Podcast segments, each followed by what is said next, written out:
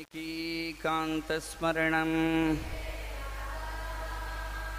श्रीञ्जनेयस्वामिनः श्रीसद्गुरुनाथमहराज की सीताराम सीताराम सीताराम सीताराम। राम सीताराम। सीता सीताराम सीताराम सीताराम सीताराम।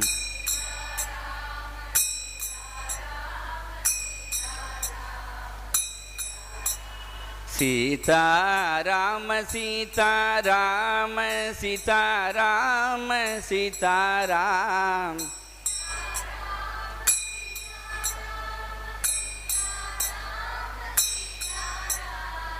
सीताराम सीताराम सीताराम सीताराम।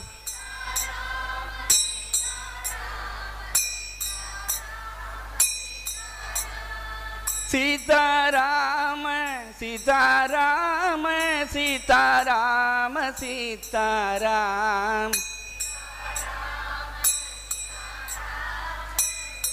राम सी- सीताराम सीताराम सीताराम सीताराम।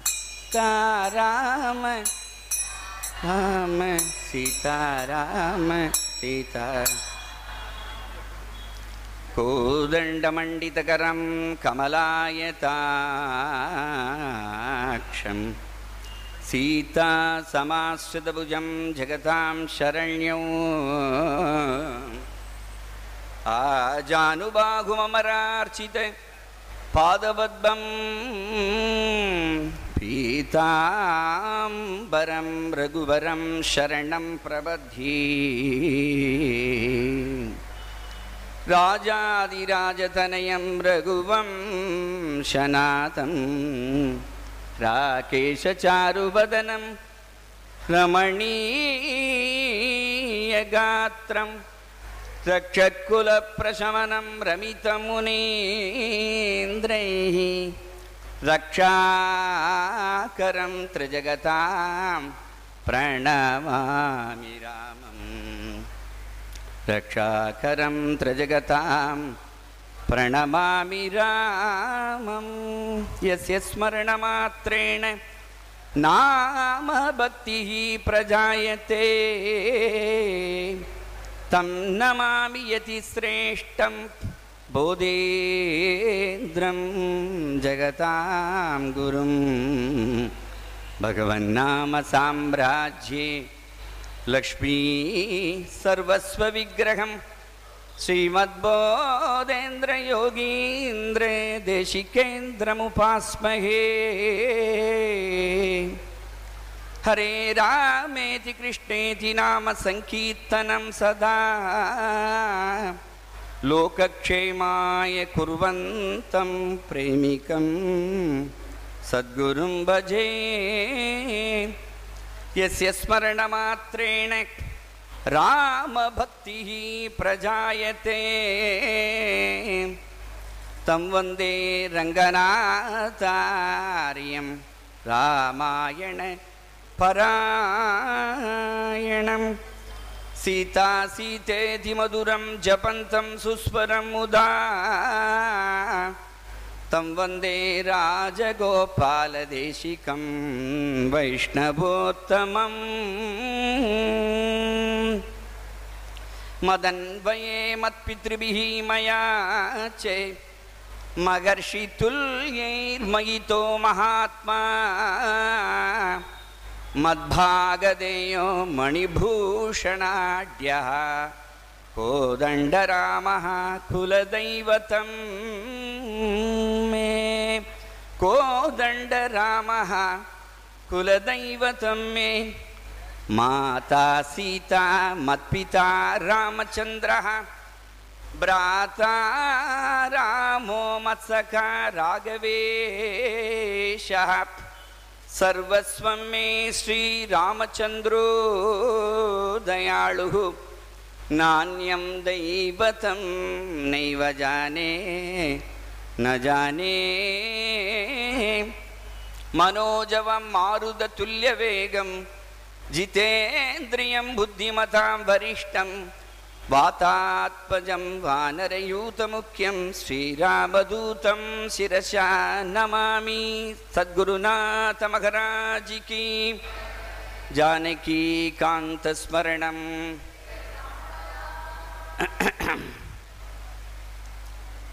குருநாத்தாள் ஸ்ரீ அண்ணா மகாபிரபுவினுடைய கிரந்தங்கள் ஒரு சமுத்திரம் போல நமக்கு கிடைச்சிருக்கு அவாவாளுடைய ருச்சிக்கு தகுந்த மாதிரி கிருஷ்ணர் விஷயமாகவும் ஸ்ரீராமர் விஷயமாகவும் குருநாத்தாள் கொட்டி இந்த உலகத்தில் கிரந்தங்களை அப்படி கொட்டிவிட்டா.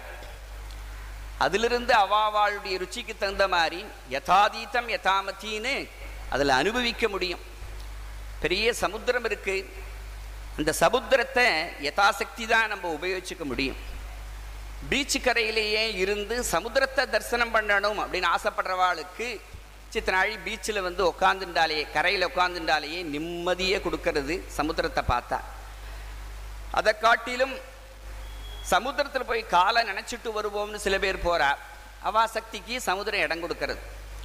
அதை காட்டிலும் பிரபாவசாலியாக இருக்கிறவா கொஞ்சம் தூரம் நீச்சல் அடிச்சுட்டு ஒரு ரெண்டு ஃபர்லாங் நீச்சல் அடிச்சுட்டு வரா.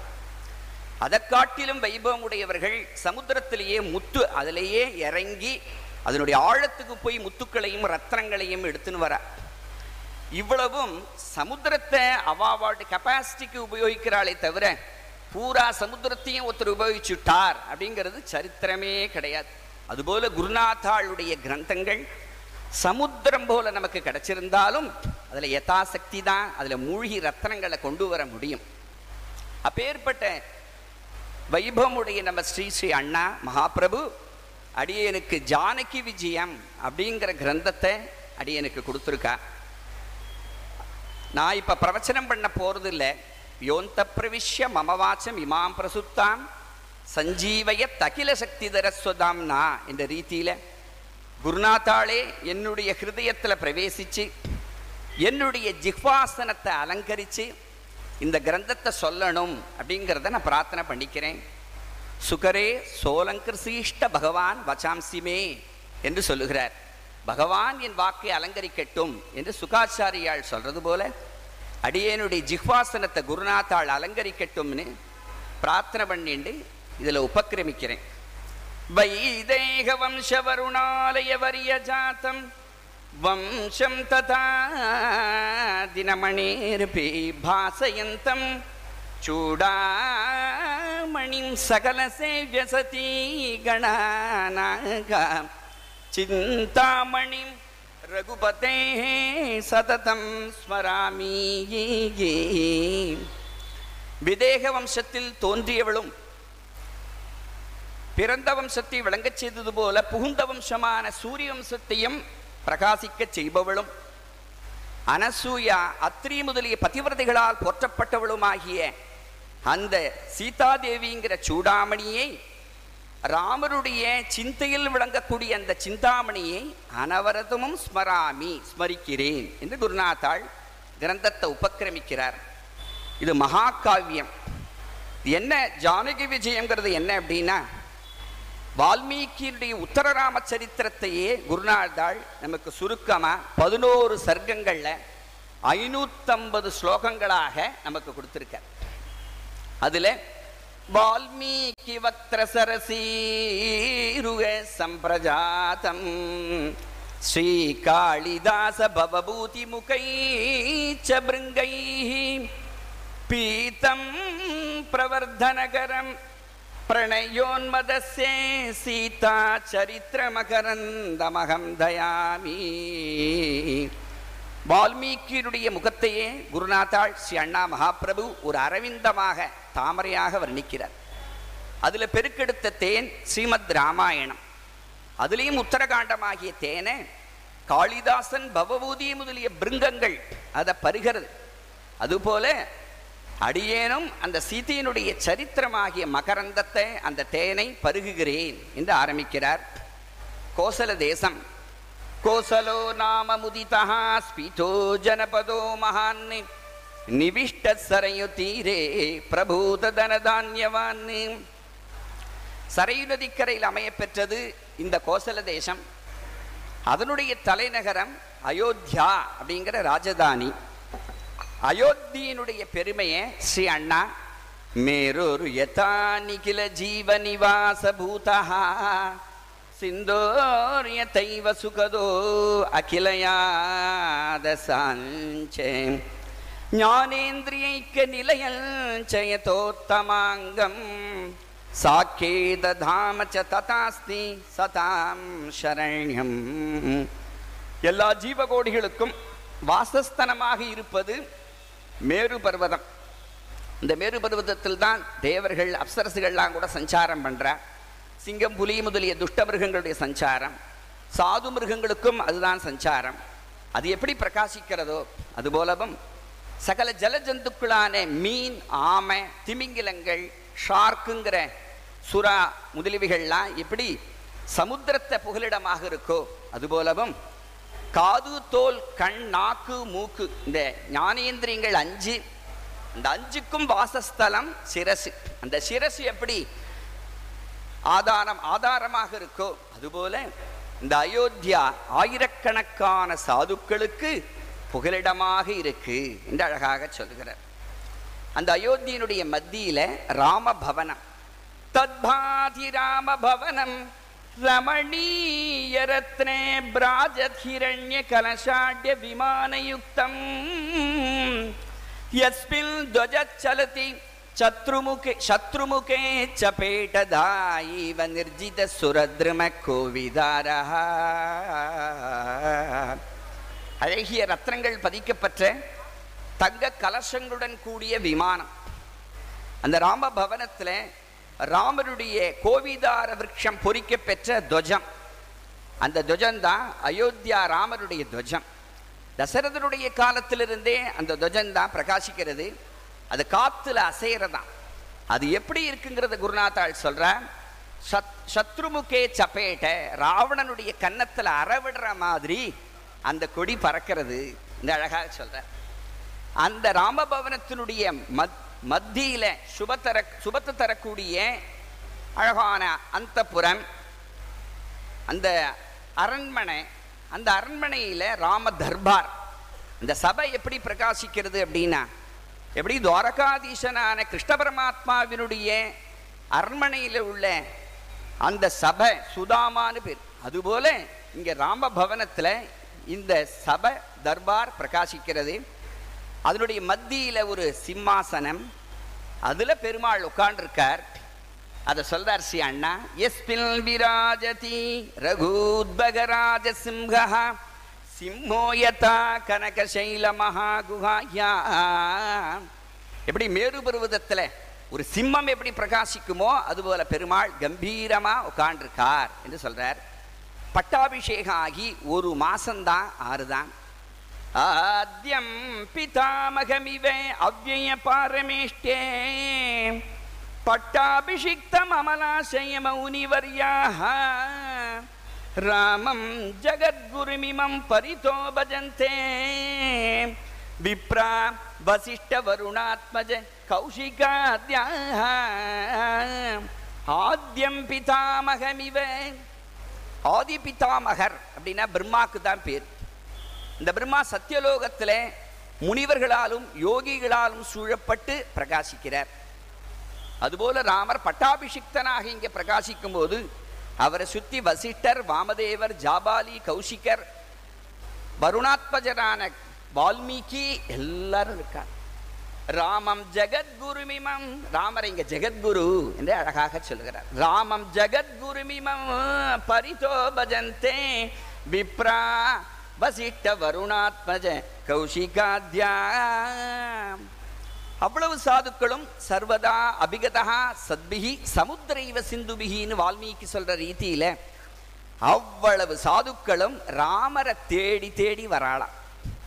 அகஸ்திய பகவான் கௌஷிகர் முதலிய அவ்வளவு சாதுக்களும் வர எப்படி சமுத்திரம் தன் அலைகளாகிய கைகளால எல்லாரையும் சமுத்திரக்கரைக்கு வர்றவாழ வரவேற்கும். அதுபோல இந்த ராமச்சந்திர பிரபு எல்லா சாதுக்களையும் தன்னுடைய சபைக்கு அழைத்து சுவாகதம் சொல்றார். ஜட்டாதாரிகளான மகரிஷிகள்லாம் வர வல்கலதாரிகளான மகரிஷிகள் வனவாசிகள் மாந்தோல் போர்த்தியவர்கள் அப்படின்னு ரக ரகமா செட்டு செட்டு செட்டா மகரிஷிகள் பிரம்மரிஷிகள் மகரிஷிகள் ராஜரிஷிகள் ரிஷிகள் எல்லாரையும் அழைக்கிறார். கு- குவித்த கரங்களோட சமுத்திரம் எப்படி வரவேற்குமோ அதுபோல வரவேற்கிறார். எல்லாரையும் பார்த்து பெருமாள் அழகாக பேசுறார். ஏ சாதுக்களே வனத்தில்தான் உங்களுடைய தரிசனம் கிடைக்கும்னு சொல்லுவா. ஆனால் நகரத்திலையும் வந்து உங்கள் தரிசனம் எனக்கு கிடைக்கிறதுனா பூர்வ ஜென்மத்தில் நான் பண்ணின சுகிருதம் தான் அதுக்கு காரணம் எப்போவோ நான் பண்ணின தபசு இன்னைக்கு எனக்கு ஒரு பெரிய பலனை கொடுக்கறது சாதுக்களாகிய உங்களுடைய தரிசனம் எனக்கு கிடைக்கிறது. என்று சொல்கிறார் எப்பொழுதோ விதைக்கப்பட்ட பூமியில் விதைக்கப்பட்ட ஒரு மாங்கொட்டை காலாந்தரத்தில் அது வளர்ந்து எப்படி ஒரு மாம்பழத்தை கொடுக்கிறதோ அதுபோல பூர்வத்தில் பண்ணின புண்ணியம் எனக்கு உங்கள் தரிசனம் கிடைக்கிறது. இது எப்படி இருக்குது அப்படின்னா நல்ல கோடைக்காலத்துல தாகசாந்தி பண்ணிக்கணும்னு ஒருத்தன் ஓடி வரான் வெயில்ல தவிச்சுண்டு. அப்படி வர்றவனுக்கு கல்கண்டு ஜலம் நிரம்பிய ஒரு தடாகம் கண்ணில் தென்பட்டா எப்படி சந்தோஷப்படுவானோ அது மாதிரியும் வீட்டு கொல்லையிலேயே தரித்திரத்தினால கட்டப்படுவனுக்கு பெரிய பொக்கிஷம் கிடைச்சா எவ்வளவு சந்தோஷப்படுவானோ அதுபோலவும் வெளியூருக்கு போயிருக்கா ஒரு தகப்பனார் அவர் திரும்பி வந்து சேர்ந்தா எப்படி அத்தனை குழந்தைகளும் அப்பா அப்பா அப்படின்னு ஓடி வந்து அப்பாவை சுத்தி கட்டிக்குமோ? அதுபோல் உங்களை பார்த்தா எனக்கு அவ்வளவு சந்தோஷம் உண்டாருதுங்கிறார் ராமர் வரவேற்கிறது அப்புறம் இருக்கட்டும். அவ அப்பாவான தசரதரே யதா அமிர்தஸ்த சம்பிராப்தி யதா வருஷம் அனூதகேன்னு அப்படி வரவேற்றாராம். கௌசிக்கிறேன். அது மாதிரி இங்கே ராமர் எல்லாரையும் வரவேற்று அழகாக பேசினார். எல்லாருக்கும் நமஸ்காரம் பண்ணினார் அஞ்சலி பண்ணினார். உங்களுக்கு என்ன ஆக்கிய ஆக்கிய என்ன பண்றீங்களோ நான் அவசியம் அதை நிறைவேற்றி தரேன். உங்களுடைய மனோரத்தம் எதுவாக இருந்தாலும் சொல்லலாம். ஆக்ஞாப்பியோகம் தபஸ்வினாம் என்று ராமர் சொன்னாராம். இந்த ராமருடைய பேச்சை கேட்டு ஸ்ரீ அண்ணா சொல்றா ஏவம் ரகுத்தம முகாம்புஜ ஜாத சீதே வாணி மகரந்த ரசபிந்தும் அமந்த பாக்யா ஆஸ்வாத்ய மௌனி ஜனே மத்த மதுவிரதாஸ்தே ஜங்கார நாத சதிருஷம் ஜெகதுஷ வாக்கியம் ராமச்சந்திர பிரபுவினுடைய முகமே இங்க ஒரு தாமரை ஆட்டம் பிரகாசிக்கிறதுங்கிறா ஸ்ரீ அண்ணா அந்த முகாரவிந்தம் அந்த முகாரவிந்தத்தில் தேன் தானே எப்போதுமே அரவிந்தத்தில் தேன் பெருகும் அதுபோல ராமருடைய முக கமலத்திலிருந்து வந்த சொற்களாகிய தேன் அந்த தேனை எந்த வண்டு பருகித்து அப்படின்னா முனிஜனங்களாகிய பண்றதில்ல. அதுபோல ராகவா உன் தரிசனத்துக்காகத்தான் நாங்கள் வந்தோமே தவிர உன்னிடத்தில் எந்த பிரார்த்தனையும் எனக்கு கிடையாது. பூர்ணம் மிருணாள தவளம் ரசிகாக சசாங்கமிச்சந்தி கேவலமலம் நயனோத்சவாயே. நேத்ரானந்தத்துக்கு தான் அந்த பௌர்ணமி சந்திரனை எல்லா ஜனங்களும் பாப்பா ஏன் பாப்பான்னா கிருதயத்தில் உள்ள தாப்பங்கள் வருத்தங்கள்லாம் போயிடும். அதுக்காகத்தான் சந்திரனை மேல மேல பார்த்து பார்க்கணுங்கிற ஆசை ஜனங்களுக்கு வருது. அதுபோல ராகவா உன் முகமே ஒரு பௌர்ணமி சந்திர நாட்டம் பிரகாசிக்கிறது. அந்த உன்னுடைய முககமலத்தை பார்க்கும்போது எங்களுக்கு பரமானந்தம் உண்டாரது என்று அழகாக சொன்னார்கள். மேல ராமனை பார்த்து அவ்வளவு ஜனங்களும் சொல்றா ஹே ராமச்சந்திரா உன்னை எல்லாரும் கல்யாணாபிஜன ஸ்ரீமான் அதாவது மங்களகரமான பரிவாரம் நிரம்பியவர் ராமபிரபுன்னு சொல்கிறார் ராமா உனக்கேத்த அப்பா உனக்கு அமைஞ்சது ரொம்ப ஆச்சரியம். ராஜா புத்திரவத்தாம்பரஹா அப்படின்னு சொல்கிறார் புத்திரனை பெற்றவர்களுக்குள்ள மகாபாகியவான் யார் அப்படின்னா தசரதர் தான். அதுபோல ராமமாதா யசஸ்வினின்னு சொல்லுவா. அப்பேற்பட்ட புத்திரனை பெற்ற தாயார்களுக்குள்ள சிறந்தவள் கௌசல்யா மாதா ராமமாதா யசஸ்வினின்னு பிரசித்தி பெற்றவள். உன்னுடைய பத்னியான சீதாதேவியோ சாயே வானுகதா சதா நிழலை போல பின்தொடர்ந்து அப்படி இருந்துட்டு பிரகாசிக்கிறார் உனக்கேற்ற பிராத்தாக்களான பரத லக்ஷ்மண சத்ருக்னாதிகள் உன்னுடைய கல்யாண குணங்கள் உன்னுடைய அப்பேற்பட்ட சாரித்திரம் அதுக்கு தகுந்த மாதிரி அழகும் சாரித்திரமும் நிரம்பியவர்கள் உன்னுடைய பிராத்தாக்கள். பக்தாள் அப்படின்னு எடுத்துட்டாலும் ஆஞ்சநேய சுவாமியினுடைய பெருமை சொல்லி மாளாது. அதுபோல சுக்ரீவன் அங்கதன் முதலிய பக்தர்கள் உனக்கு அமைஞ்சது ஆச்சரியம். இவ்வளவு பேர் அமைஞ்சது ஆச்சரியம் இல்லை ஹே ராகவா உன் ச- உனக்கு சத்ருவான அப்பேற்பட்ட ராவணன் அமைஞ்சதும் இந்த அவதாரத்துல ஆச்சரியம். ஏன் அப்படின்னா நீ சமுத்திரத்துல சேது பந்தனம் பண்ணிட்டேன் அப்படிங்கிறத கேள்விப்பட்டு பயந்துண்டு போய் சீதாதேவியை உங்ககிட்ட கு- கொடுத்துட்டு உடனே ராமா என்னை மன்னிச்சுடுன்னு சொல்லக்கூடிய கோழையான சத்ரு கிடையாது அந்த ராவணன். துவிதா பஜ்ஜேமப்பேவம் நனமேயம் து கசச்சித்து. என்னை ரெண்டா வெட்டி போட்டாலும் அப்பேற்பட்ட ராமனை சேவிக்க மாட்டேன்னு சொன்ன அந்த சத்ருவான ராமணன் ராவணன் அமைஞ்சதும் உன் சரித்திரத்துல ஆச்சரியம். அந்த ராவணனுடைய பெருமை நாங்கள் கொஞ்சம் சொல்கிறோம் கேள். இந்த ராவணன் மகா தபஸ்வி. மகரிஷிகள் கூட அப்பேற்பட்ட தபச பண்ணல. தேவர்கள் கூட அப்பேற்பட்ட தபச பண்ணல. அதுபோல் அவன் வேதாந்த கிருத்து சாமவேத விசக்ஷணன் நித்திய அக்னிஹோத்ரி பக்தியினால சிவபெருமான வசம் பண்ணினான். பராக்கிரமத்தினால பிரம்மாவையும் ஜெயித்தான். பலத்தினால இந்திரனையும் அவன் ஜெயித்துன்னு வந்தான். அசுர சிற்பியான மயனை ஜெயித்து அவனுடைய புத்திரியான மந்தோதரியை பட்டமைஷியாக்கின்றான். தன்னை காட்டிலும் பலசாலிகளான வாலியையும் கார்த்த வீரியார்ஜுனனையும் சக்கியம் பண்ணினுட்டான். அதான் புத்திசாலித்தனம். ஏன்னா தனக்கும் மேற்பட்ட பராக்கிரமசாதி ச- சாலிகளை விரோதிச்சிக்க கூடாது. அந்த தர்மம் தெரியுமா ராவணனுக்கு? அதனால சக்கியம் பண்ணினுட்டான். அதுபோல பாதாள லோகத்தில் உள்ள பலி சக்கரத்தி சக்கரவர்த்தியை ஜெயிக்கணும்னு போனான் ஆனா விஷ்ணு சக்கரத்தினால அங்கிதமான சரீரத்தோட திரும்பிட்டான். இப்படி எந்த ரீதியில பார்த்தாலும் ராவணன் உனக்கு துல்லியமான அவ்வளவு வைபவங்களோடு பிரகாசிக்கிறான் என்று திருப்பி திருப்பி திருப்பி ராவணனுடைய பெருமையே இந்த மகரிஷிகள் சொல்லும்போது அந்த சபையில நம்ம ஆஞ்சநேய சுவாமி உட்கார்ந்துட்டு இருந்தார் முகமே கூம்பி சூம்பி போயிடுத்து மனசு ஒடிஞ்சு போயிட்டார். அவர் நினைக்கிறார் ராமரை பத்தி சொல்லக்கூடாதா? விடிய விடிய விடிய கேட்டுட்டு இருக்கலாம் ஒரு குழந்தை சொன்னா கூட இருபத்தி நாலு மணி நேரமும் அந்த மழை சொல்லால குழந்தை சொல்லும்போது கூட ராமச்சரித்திரத்தை கேட்டுட்டு இருக்கலாம் திருப்பி திருப்பி ராவணனுடைய பெருமையே சொல்றாரு அப்படின்ட்டு அந்த ஆஞ்சநேய சுவாமிக்கு மனசு வியாக்குலப்பட்டுடுத்து பட்டுரு கேட்கவே கேட்டுவிட்டார். நம்மளாவது மனசுல வச்சுப்போம். ஆஞ்சநேய சுவாமி மனசால வச்சுக்க முடியல.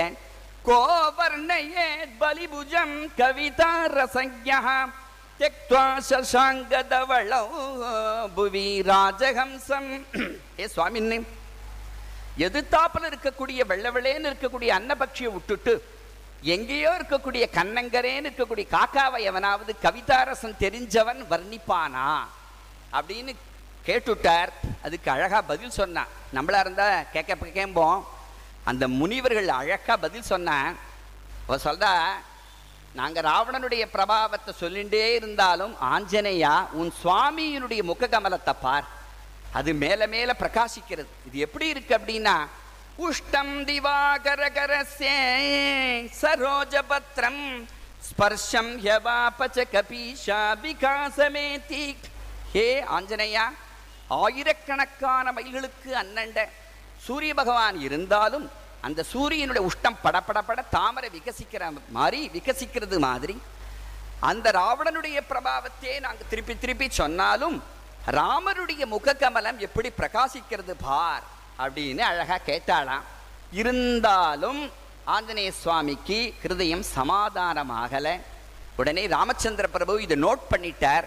அந்த ஆஞ்சநேயையும் சமாதானப்படுத்தணும் மகரிஷிகளையும் சமாதானப்படுத்தணும். அதுக்கு அழகா பதில் சொன்னார் பெருமாள். சமுத்திரம் சதயோஜனை விஸ்தீர்ணமானது தான் ஆனால் அது யார் தாண்டாளோ அவளுடைய பெருமையே திருப்பி திருப்பி நம்ம படிக்கிறோம். உதாரணமா சுந்தரகாண்டம்னு இருக்கு. அந்த சமுத்திரத்தையே தாண்டினார். சமுத்திரத்தையே ஆஞ்சநேயர் தாண்டினார்னு நம்ம படிக்கிறோம். அப்ப தாண்டினவாளுடைய பெருமையை தானே திருப்பி திருப்பி சுந்தரகாண்டமா லோக்கத்தில் வச்சு படிச்சுட்டு இருக்கோம். அதுபோல நீங்கள் எவ்வளவுதான் ராவணனுடைய பிரபாவத்தை சுத்தி வளைச்சு சொன்னாலும் அந்த ராவணனையே ஜெயிச்ச என்னுடைய பெருமை தான் இங்க சூச்சகமாச்சு என்று அழகா சொன்னார். எல்லாருக்கும் விடை கொடுத்து அனுப்பிச்சுட்டார். ஆனால் ஆஞ்சநேய சுவாமிக்கு தீராத ராமகதா தாகம் ஹிருதயத்தில் உண்டாயிடுத்து சீதாநாத பதார விந்தைகள தியானைக்க நிஷ்டாரச சுவானந்தானுபவே பவைக்க லட்ச ஹிருதய ஹிருதயோ ஜிரும்பன்னு மகா பிரேமவான்னு கஸ்யாப்யாஸ்ய சுதாநிதி ஸ்ருத சுதா துல்யாம் கதாம் பூபதேரீச்சன்னு. ஸ்ரோதுமலம் சச்சார புவனே ச பிரம்மச்சாரி கபிஹீக் குருநாத்தாள் அந்த ஆஞ்சநேய சுவாமியினுடைய ஹிருதயத்தில் ஏற்பட்ட தீராத தாகம் ராமகதா தாகம். அவருக்கு என்ன தோணித்து அப்படின்னா அந்த சீதாராம யுகலத்தை அப்படியே தியானம் பண்ணிண்டு ராமச்சரணாரவிந்த தியானத்தோட சதா அதே நிஷ்டையோட மேலே மேலே யாராவது இந்த உலகத்துல ராமகதையை விஸ்தாரமா சொல்லி ஒரு கவியரசர் அப்படி தோன்றும் பட்சத்தில் நான் அந்த கவியரசர் சொல்ல சொல்ல சொல்ல புவியரசரான ராமச்சந்திர பிரபுவினுடைய பெருமையை கேட்டு என் ஹிருதயத்தில் உள்ள தாகத்தை யாராவது தணிக்க மாட்டாளா அப்படிங்கிற நிஷ்டையோடு கூட இந்த உலகத்தில் சஞ்சாரம் பண்ணிண்டே வரார் அப்படின்னு ஸ்ரீ அண்ணா பிரதம சர்க்கத்தை பூர்த்தி பண்ணுறார் இரண்டாவது சர்க்கத்தை ஸ்ரீ ஸ்ரீ அண்ணா மகாபிரபு உபக்கிரமிக்கிறார். வால்மீகியினுடைய ஆசிரமம். பிரசரதி தமசா கியாக வாகினி வந்தியமான சுரநர முனி பிருந்தைः சந்ததம் ஷீததோயா தருவர கணரம்யே நீலகூலேது தஸ்யாக விலசதி சமமூர்த்தேः வாருணே பர்ணசாலா அழகான தமசா நதிக்கரை தேவர்கள் முனிவர்கள் கிண்ணறர்கள் முதலியவர்களுடைய கூட்டங்களால் சேவிக்கப்படக்கூடிய குளிர்ந்த தீர்த்தம் நிரம்பிய அந்த தமசா நதி அதனுடைய கரையில மந்தார பாரிஜாதாதி விருட்சங்கள் மா பலா வாழை முதலிய விருட்சங்கள் செடி கொடிகள் இவைகள் நிரம்பிய வால்மீகியினுடைய ஆசிரமம். சமதமாதி குணங்களோடு கூட பிரகாசிக்கக்கூடிய முனிவர் அந்த ஆசிரம திண்ணையில் உட்கார்ந்துண்டு சுவாவத்தார பிரயோஜனத்தை சிந்தனை பண்றார். நான் ஏன் இந்த உலகத்துல பிறந்தேன்? எனக்கும் ராமருக்கும் என்ன சம்பந்தம்? தேவர்கள்லாம் என்ன வருணபுத்திரனாக வாருணின்னு அழைக்கிறார். முனிவர்கள்லாம் நான் வல்மீகத்திலிருந்து புத்துலேருந்து வந்ததுனால வால்மீகி அப்படின்னு கூப்பிடுறான் என்னுடைய கான்ட்ரிபியூஷன் இந்த உலகத்துக்கு என்ன?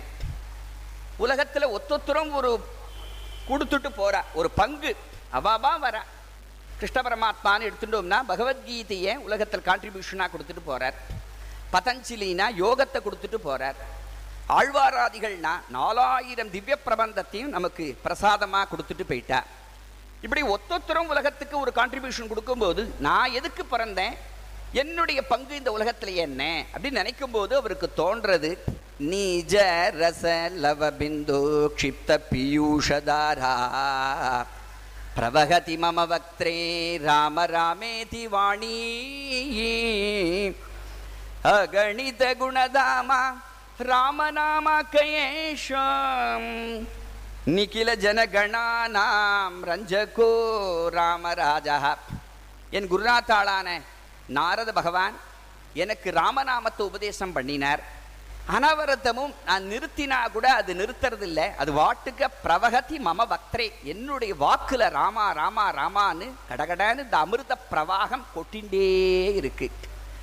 அதே சமயத்துல அயோத்தி மாநகரத்தில் பட்டாபிஷிக்தனான ராமச்சந்திர பிரபு உட்காண்டிருக்கார் அவருடைய நாமத்தை தான் நான் ஜெபிச்சுட்டு இருக்கேனா எனக்கும் அவருக்கும் என்ன கனெக்ஷன் இப்படி ரசமான கல்பனைகள்லாம் வால்மீகியினுடைய ஹிருதயத்துல ஓடிண்டே இருக்கு. இந்த சந்தர்ப்பத்துல வாசல்ல நாம சங்கீர்த்தனம் பண்ற ஒரு சப்தம் கேட்கறது நாரதர் வர ஸ்ரீராம் ஜெய ராம் ஜெய ஜெய ராம். ஸ்ரீராம் ஜெய ராம் ஜெய ஜெய ராம் ஸ்ரீராம் ஜெய ராம் ஜெய ஜெய ராம் ஸ்ரீராம் ஜெய ராம் ஜெய ஜெய ராம் ஸ்ரீராம் ஜெய ராம் ஜெய ஜெய ராம் ஸ்ரீராம் ஜெய ராம் ஜெய ஜெய ராம் ஸ்ரீராம் ஜெய ராம் ஜெய ஜெய ராம். அங்கேருந்து வந்த நாரத பகவான் வால்மீகியை பார்த்து மந்தகாசம் பண்ணினார். வால்மீகி பாத்தியமர்க்கியம் ஆசனங்கள்லாம் கொடுத்து உபச்சாரம் பண்ணினார். நாரத பகவான் ஆசனத்தில் அமர்ந்துண்டார். வால்மீகி பகவானுக்கு நாரதரை பார்த்து ஒரு கேள்வி கேட்கணும்னு தோணித்தான். கோனஸ்மின் சாம்பிரதம் லோகே குணவான் கஷ்ட வீரியவான். धर्मज्ञस्य सत्यवाक्यो दृढव्रतः, चारित्रेण च कोयुक्तः कोगिता विद्वान् कः कस्समर्थश्च कस्यैकप्रियदर्शनः आत्मवान् को जिदक्रोधो द्युधीमान् को न सूयकः कस्य जातरोषस्य संयुगे। वाल्मीकि भगवान् நாரத சுவாமியை பார்த்து இந்த பிரபஞ்சத்தில் சமஸ்த கல்யாண குணங்களும் நிரம்பியவரும் சாரித்திரம் நிரம்பியவரும் பரம தர்மாத்மாவும் சகல லோகத்தினுடைய ஹிதத்தில் நாட்டமுடையவரும் எல்லா ஜனங்களுக்கும் க்ஷேமத்தையே பண்ணணும் அப்படிங்கிற குறிக்கோள் உடையவரும் முப்பத்தி ரெண்டு சாமுத்திரிகா லட்சணங்கள் நிரம்பியவரும் அறுபத்தி நான்கு கல்யாண குணங்கள் நிரம்பியவரும் எவருடைய பராக்கிரமத்தை போரில் நேரில் கண்ட மாத்திரத்தில் தேவர்கள் கூட நடுங்குவாளோ? அப்பேற்பட்ட ஒரு நரசிரேஷ்டன் ஒரு மகாத்மா இந்த உலகத்தில் இருக்கார்னு எனக்கு படுறது. தாங்கள் தான் என் கேள்விக்கு பதில் சொல்லணும் என்று சொன்ன உடனே பிரகிருஷ்டோ வாக்கியம் அப்ரவீத்து. பரம சந்தோஷப்பட்டாராம். நாரத சுவாமி இக்ஷ்வாகு வம்ச பிரபவோ ராமோ நாம ஜனை ஸ்ருதா ஹே மகரிஷே நீங்கள் கேட்ட கேள்வி அவ்வளவுக்கும் ஒரே பதில் ஸ்ரீராமன் அப்படின்னு பெயரை கொண்ட இக்ஷுவாகு வம்சத்தில் தோன்றிய ஒரு மகாத்மா அவர்தான் நரசிரேஷ்டராக மனிதருள் மாணிக்கமாக அவர் பிரகாசிக்கிறார். அவருடைய பெருமை சொல்லி மாளாது. இக புவிசி கதானாம் ரத்னசானோர்மணீனாம் பியதி ச பகணானா దశరథ నృపసూనో సద్గుణానాంచనూనం గణనమభి విధాతుం చిత్రగుప్తోపి అసక్త சுவாமி ஹே மகரிஷே லோகத்தில் ஆகாசத்தில் உள்ள நட்சத்திரங்களை எண்ணினாலும் எண்ணிவிடலாம். பூமியில் எவ்வளவு புழுதி இருக்கோ அவ்வளவும் எண்ணினாலும் எண்ணிவிடலாம். சமுத்திரக்கரையில் உட்காந்துட்டு ஒன்று ரெண்டு மூணுன்னு எவ்வளவு அலை வருதோ கார்த்தால ஆறு மணிக்கு போய் உட்காந்துடணும் விடிய விடிய உட்காரணும். இருபத்தி நாலு மணி நேரம் உட்கார்ந்துட்டு எவ்வளவு அளவுறதோ வருதோ அப்படி எண்ணினா கூட சாத்தியம். ஆனால் சித்திரகுப்தனே வந்தாலும் ராமருடைய சமஸ்த கல்யாண குணங்களை எழுதுவதற்கு யாராலையும் முடியாது. சித்திரகுப்தனாலும் முடியாது. அதுபோல இன்னொரு திருஷ்டாந்தம் சொல்றார். வால்மீகிக்கு ஹிதம் இருக்கு ராமரை பற்றி கேட்கும்போதே மனசுக்கு பரவசம் உண்டாருது ஹிதமாக இருக்கு ஆனந்தமாக இருக்கு. நிகில ஜனகணான நிகில புவனம் ஏதத் தாளபத்திரம் விதாயே. கனகமயமகீந்திரம் லேகனீகிருத்ய சாபி. ரகுவர குணபிருந்தம் சஜ்ஜனானந்த கல்தம். விலிகிதுமசமர்த்தோ விக்னராஜோபி சாட்சாத் ஈரேழு பதினாலு லோகங்கள் இல்லையா? அத்தல வித்தல சுத்தல தலாத்தல ரசாத்தல பாதாளாதி ஏழு லோகங்கள் பூலோகம் புவர்லோகம் சொர்லோகம் மகர்லோகம் ஜனோலோகம் தபோலோகம் சத்தியலோகம். ஏழு ஏழும் பதினான்கு லோகங்களை சேர்த்து ஒரு பன ஓலையா பண்றது. மேரு பர்வதத்தையே எழுத்தாணியா வச்சுண்டு சாட்சாத் விக்னராஜரா இருக்கக்கூடிய பிள்ளையாரப்பாவே உட்காந்து உட்கார்ந்து ராமருடைய சமஸ்த கல்யாண குணங்களை எழுதினாலும் பாதியிலே எழுந்து போயிடுவாராம். ஏன் சுவாமி? பாதியிலே எழுந்து போறேரே. பிள்ளையாரப்பா முடிச்சுட்டு போலாமே. இதெல்லாம் எழுதி மாளாது அப்படின்னு பாதியிலே எழுந்து போயிடுவாராம். அதை சொல்றார் விலிகித்தும் அசமர்த்தோ விக்னராஜோபி சாட்சாத்து. இப்படி ராமருடைய திவ்யமான கதாமிருதத்தை சங்கேபமா அந்த வால்மீகிக்கு உபதேசம் பண்ணிட்டு விடைபெற்றுண்டு கிளம்பி போயிட்டார். சங்கேப ராமாயணம். இப்படி இருக்கும்போது பரமானந்த பரித்தராக ஆனார் வால்மீகி பகவான். தன் சிஷ்யனான பரத்வாஜனை அழைச்சிண்டு தமசா நதியில ஸ்நானம் மாத்தியானிக ஸ்நானம் மாத்தியானிக அனுஷ்டானத்துக்காக புறப்பட்டு வரார். எப்பொழுதுமே மெக்கானிக்கலா மகரிஷியானவர் ஸ்நானம் பண்ணுவார் அனுஷ்டானம் பண்ணுவார் எல்லாத்தையும் முடிச்சுட்டு பரத்வாஜனை அழைச்சின்னு போயிடுவார். இன்னைக்கு என்ன பண்ணினார் தெரியுமோ? நெசதாம் கலசஸ்தாதே தீயதாம் வல்கலம் மமே. குழந்தை இந்த மரவுரி என் கையில் கொடு. கலசத்தை கீழே வை அப்படின்னார். மரவுரிய கையில் வாங்கினார். எல்லாத்தையும் ரசிக்க ஆரம்பிச்சுட்டார். தமசா நதியை ரசிக்கிறார். அமிர்த ரசஜரீனோ பிரம்ம வித்யா ஸ்வயம் நூ ககமிருக ஜனநீனோ பிரேமதாரானு சாட்சாத். ஸ்பட்டிகமயமணீனாம் மஞ்சுளா மாலிகானும் பிலசதி தமசேயம் வன்யதேவி நுவத்சேகே. அழகான தமசா நதிக்கரையை குருநாத்தாள் ஸ்ரீ அண்ணா மகாபிரபு நமக்கு எடுத்து கொடுக்குறார். வால்மீகி எப்படி அனுபவிப்பாரோ அந்த ரீதியில் ஸ்ரீ அண்ணா அனுபவிச்சு நம்மளையும் அனுபவிக்க வைக்கிறார். அமிர்தரசஜரீனோ. பரத்வாஜா இது என்ன அமிர்தரச பெருக்கோப்பா? அல்லது ஸ்வயம் பிரம்ம வித்தியை தான் இப்படி ஒரு ரூபம் எடுத்துட்டு போறாளோ? அல்லது ராமச்சந்திர பிரபுவினுடைய அன்பு வெள்ளம் தான் இப்படி ஒரு தமசாங்கிற நதி ரூபத்தோட பிரவாகமா ஓடுறாளோ? அல்லது ஸ்பட்டிகமயமணீனாம் மஞ்சுளா மாலிகானு. ஸ்பட்டிகமணிகள்லாம் கோக்கப்பட்ட ஒரு முத்து மாலையோ என்று பிரமிக்கும்படி இருக்குப்பா. அது மாத்திரம் இல்லை இந்த வனதேவதையே ஒரு ரூபத்தை எடுத்துட்டு ஓடுறாளோ என்று சொல்லிட்டு அப்படி காமிக்கிறார். கக மிருக ஜனனீனோ. பரத்வாஜா அந்த நதிக்கரையில பாரேன். பசுக்களும் பட்சிகளும் சஞ்சாரம் பண்றதை பார்த்தா அவைகளுக்கெல்லாம் இவள் ஒரு அம்மாவாக இருப்பாளோ என்று உட்பிரேட்சிக்கிறார். இப்படி இருந்துருக்கும் பொழுது எல்லாத்தையுமே ரெண்டு ரெண்டு பட்சிகள் ரெண்டு ரெண்டு அஹ், வஸ்துக்களை அனுபவிச்சுட்டே வர பிராணிகளை அனுபவிச்சுட்டே வரும்போது ஒரு அழகான விரக்ஷம். இந்த விரக்ஷத்தில் ரெண்டு கிரௌஞ்ச பட்சிகள் உட்காண்டிருக்கு இந்த சமயத்துல எங்கிருந்தோ ஒரு வேடன் வந்தான். இந்த வேடன் பட்டுன்னு தன்னுடைய வில்லை எடுத்தான் அம்ப தொடுத்தான். ஆண் பட்சியை அடிச்சு விட்டான் இந்த சந்தர்ப்பத்துல அடிக்கக்கூடாதுன்னு சாஸ்திரமே சொல்றது. ஏன் அப்படின்னா மிதுனமான பட்சிகள் அது ஏகாந்த தசையில கொஞ்சி குலாவின் இருக்கு அப்போ அடிக்கக்கூடாது. இது அடித்த உடனேயே அடுத்த க்ஷணம் இந்த ஆண் பட்சி கதறிண்டு கீழே விழுந்து இறந்து போயிடும்.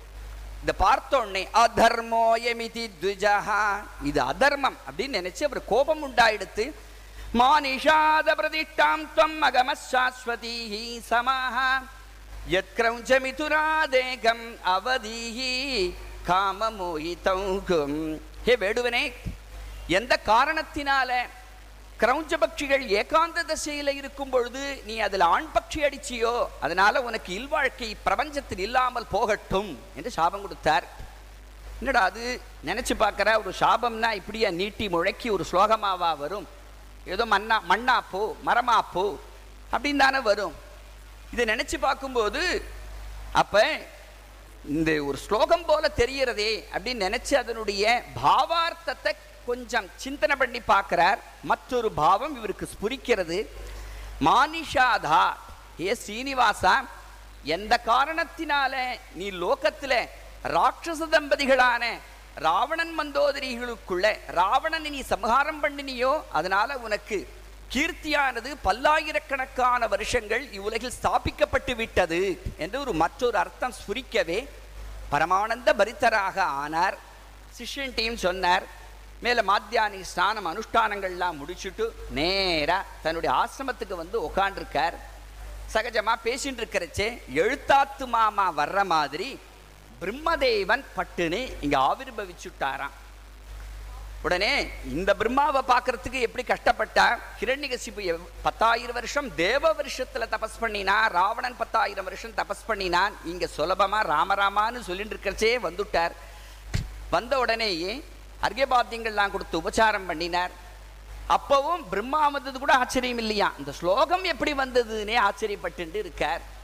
இத பார்த்த உடனேயே பிரம்மா சொன்னார் பிரகடய மதுரம் தொம் ராகவோ தந்தமந்தா பிரவகித ரசதாரா சீதளைஹி பத்யவரியைஹி. வால்மீகியை பார்த்து சொல்றார் ஏ மகரிஷே இவ்வுலகத்துல நீங்கள் ஸ்ரீமத் ராமாயணம் அப்படிங்கிற அருமையான கிரந்தத்தை செய்யணும். எல்லாருக்கும் தர்மாத்மனோ குணபத்தோ லோகே ராமஸ்ய தீமதக தர்மாத்மாவும் குணவானுமாகிய ராமச்சந்திர பிரபுனுடைய சரித்திரத்தை படிக்கும்போது ராம குணங்களை கேட்டு பக்தியும் உண்டாகும். அதுபோல தர்மத்தை படிக்கும்போது தர்மத்தில் சீதளா நிசுதாபூத்து. இந்த சந்தர்ப்பத்தில் அழகா உட்கார்ற உட்கார்ந்துட்டாலும் ஸ்லோகம் வாக்கில் வருது தீர்த்தம் சாப்பிட்டாலும் வாக்கில் வருது அன்னம் சாப்பிட்டாலும் வாக்கில் ஸ்லோகம் வருது எத்த பண்ணினாலும் உட்கார்ந்தாலும் எழுந்துண்டாலும் நடந்துண்டாலும் ஸ்லோகம் ஸ்லோகம் ஸ்லோகம். சதத்தம் அமிர்ததாரா சீதளா நிஸ்ருதாபு அப்படி சதகோடி பிரவிஸ்தரமான ராமாயணத்தை எழுதணும்னா எவ்வளவு ஸ்லோகங்கள் அவர் வாக்குலேருந்து வந்திருக்கணும்னு நினைச்சு பாருங்க. இப்படி இருக்கும்போது அழகா ராமாயணத்தை பூர்த்தி பண்ணினார். சிஷ்யாளுக்கெல்லாம் சொல்லி கொடுத்துட்டார்.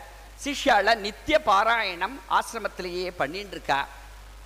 போன அத்தியாயத்துல குருநாத்தாள் ஸ்ரீ அண்ணா ஆஞ்சநேய சுவாமிக்கு தீராத ராமகதா தாகம் உண்டாச்சு. அதுக்காக யாராவது ராமகதையை சொல்ல மாட்டாளான்னு சஞ்சாரம் பண்ணின்றதவர் எதிர்ச்சையா வால்மீகி ஆசிரமத்துக்கு வந்துட்டார். வால்மீகி பகவானை சேவிச்சுட்டு ஓரமா உட்கார்ந்துட்டார் இந்த ராம கதையோ அவ சிஷ்யாள் அப்படியா ஆனந்தமாக பிரவச்சனமும் பாராயணமும் பண்ணிட்டு இருக்கும்போது எத்தனை எத்தனை ரகுநாத கீர்த்தனம் தத்திர தத்திர கிருதமஸ்தகாஞ்சலி பாஷ்பவாரி பரிபூர்ணலோச்சனம் என்றபடி எங்கெங்கெல்லாம் ராமகதை நடக்கிறதோ அங்கெல்லாம் ஆஞ்சநேயர் வந்துருவாங்கிறதுக்கு பிரதம உதாகரணம் இந்த இடம். அப்படியே வந்துட்டார். ராமாயணம் முடிஞ்சது. வால்மீகி பகவானை சேவிச்சார். கையை குமிச்சார் ஆஞ்சநேய சுவாமி. அழகான ஒரு வார்த்தையை பேசினார். குசும ரச சுகந்தா ஷட்பதம் சல்லி கர்ஷதீவ ஸ்வயமிக தவவாணி மாருதி மாம் சகர்ஷ ரகுபதி குணலீலா சுவாதனேன பிரமத்தம். மதுபமிவ முனே ஜானீ மாம் ராம பக்தம் சுவாமி புஷ்பத்தினுடைய சுகந்தம் வண்ட ஆக்கர்ஷிக்கிறது மாதிரி தங்களுடைய இந்த ஸ்ரீமத் ராமாயண சுகந்தம் என்னை இங்க இழுத்துன்னு வந்துடுத்து. ராமகுணங்களாகிய மதுவை பானம் செய்த மதம் பிடித்த வண்டு போல என்னை தெரிஞ்சுக்குங்கோ என்று அழகா சொன்னார். ஆஞ்சநேயா உம்மை தெரியாம யார் இருப்பா இந்த உலகத்துல? உம்ம பேரிலேயே சுந்தர காண்டம் அப்படின்னு ஒரு காண்டமே எழுதியிருக்கேன். அப்படியா சுவாமின்னு அவரும் சந்தோஷப்பட்டார். ஆஞ்சநேயர் ஒரு பிரார்த்தனை பண்ணிட்டார். வால்மீகி பகவானை பார்த்து சுவாமி ஒரு விஜாபனம் என்ன வேணும் பவனகுமாரா? என்று கேட்கிறார். சுவாமி கொஞ்ச நாள் முன்னால ராமருடைய சன்னிதானத்தில் நூற்றுக்கணக்கான மகரிஷிகள் வந்து ராவணனுடைய வைபவத்தையே திருப்பி திருப்பி சொன்னார்கள். அதை கேட்டு என் மனசுக்கு பெரிய வியாக்குலம் வருத்தம் உண்டாயிடுத்து. அதனால் நான் நினச்சேன் யாராவது உலகத்தில் ஒரு கவீஸ்வரர் தோன்றி ராமகுணங்களை சொன்னால் அதை நம்ம கேட்டால் எவ்வளவு ஆனந்தமாக இருக்கும்னு நினச்சேன். நல்லவேளை நீங்கள் இந்த ஸ்ரீமத் ராமாயணத்தை அழகாக சொல்லிட்டு என்னுடைய ஆசையை சொல்லலாமா? பேஷா சொல்லுங்கோ. இந்த ராமாயணத்தை நீங்களே எடுத்துன்னு வந்து ராமருடைய சன்னிதானத்தில் நீங்க பட்டனம் பண்ணி காமிக்கணும் பெருமாள் சிரவணம் பண்ணணும். உடனே வால்மீகி பட்டுன்னு சொன்னார் ஹே மாருதி நான் ஏதோ கோழி கூவுற மாதிரி கூவியிருக்கேன். மகாத்மாக்களான ராமர் முதலிய பெரியோர்கள்லாம் சபையில் தங்களுடைய ஆத்ம பிரசம்சையை தற்புகழ்ச்சியை விரும்பவே மாட்டா. இப்படி சொன்ன உடனே கோழி கூவுறதா? உங்களை அப்படி நினைக்கல. கூஜந்தம் ராம ராமேதி மதுரம் மதுராட்சரம் ஆருஹ்ய கவிதா சாக்காம் வந்தே வால்மீகி கோகிலம். கோழி கூவுறது போலவா நீங்க கூவிருக்கேள் உங்களை குயில் மாதிரி நினைக்கிறேன். பதே பதம் இந்த ராமாயணத்துல ராமா ராமா என்று கூவிருக்கேளே. அதனால அப்பேற்பட்ட நீங்க இந்த ராமாயணத்தை படிக்கும் பொழுது ராமர் நிச்சயம் ஏத்துப்பார். எப்படி அப்படின்னா சூரிய பகவான் பிராத காலத்தில் உதயமாகும் பொழுதே பிராமணாளுடைய கராரவிந்தே என கொடுக்கப்பட்ட அர்க்ய ஜலத்தை எப்படி ஏத்துண்டே சந்தோஷமா ஏத்துண்டே சூரிய பகவான் உதிக்கிறது போல ராமர் நிச்சயம் இது ஏத்துப்பார். அதுக்கு முன்னால நீங்க எனக்கு இந்த ராமாயணத்தை கொடுக்கும் பட்சத்தில் இந்த ஸ்ரீமத் ராமாயணத்தை நான் எழுந்தருள பண்ணி ராமருக்கு முதல்ல என் வாக்கால படிச்சு காமிக்கணும்னு எனக்கு ஆசையா இருக்கு. எடுத்துன்னு போலாமா? பேஷா எடுத்துன்னு போங்கோ அப்படின்னு விட்டார் வால்மீகி பகவான். பரம சந்தோஷம். ஆஞ்சநேய சுவாமி ஸ்ரீமத் ராமாயணத்தை சிரசா அதை எழுந்தருளை பண்ணி நேர ராமருடைய சன்னிதானத்துக்கு வந்தாராம். ஸ்ரீ அண்ணா அதை அழகா சொல்ற அமிர்த கலசத்தை எடுத்துட்டு கருட பகவான் வந்தது மாதிரி இருக்குங்கிறார் ஸ்ரீ அண்ணா. அப்படி எடுத்துன்னு வந்த பெருமாளுடைய சன்னிதானத்தில் வச்சுட்டு சாஷ்டாங்கமா சேவிச்சார் ஆஞ்சநேய சுவாமி.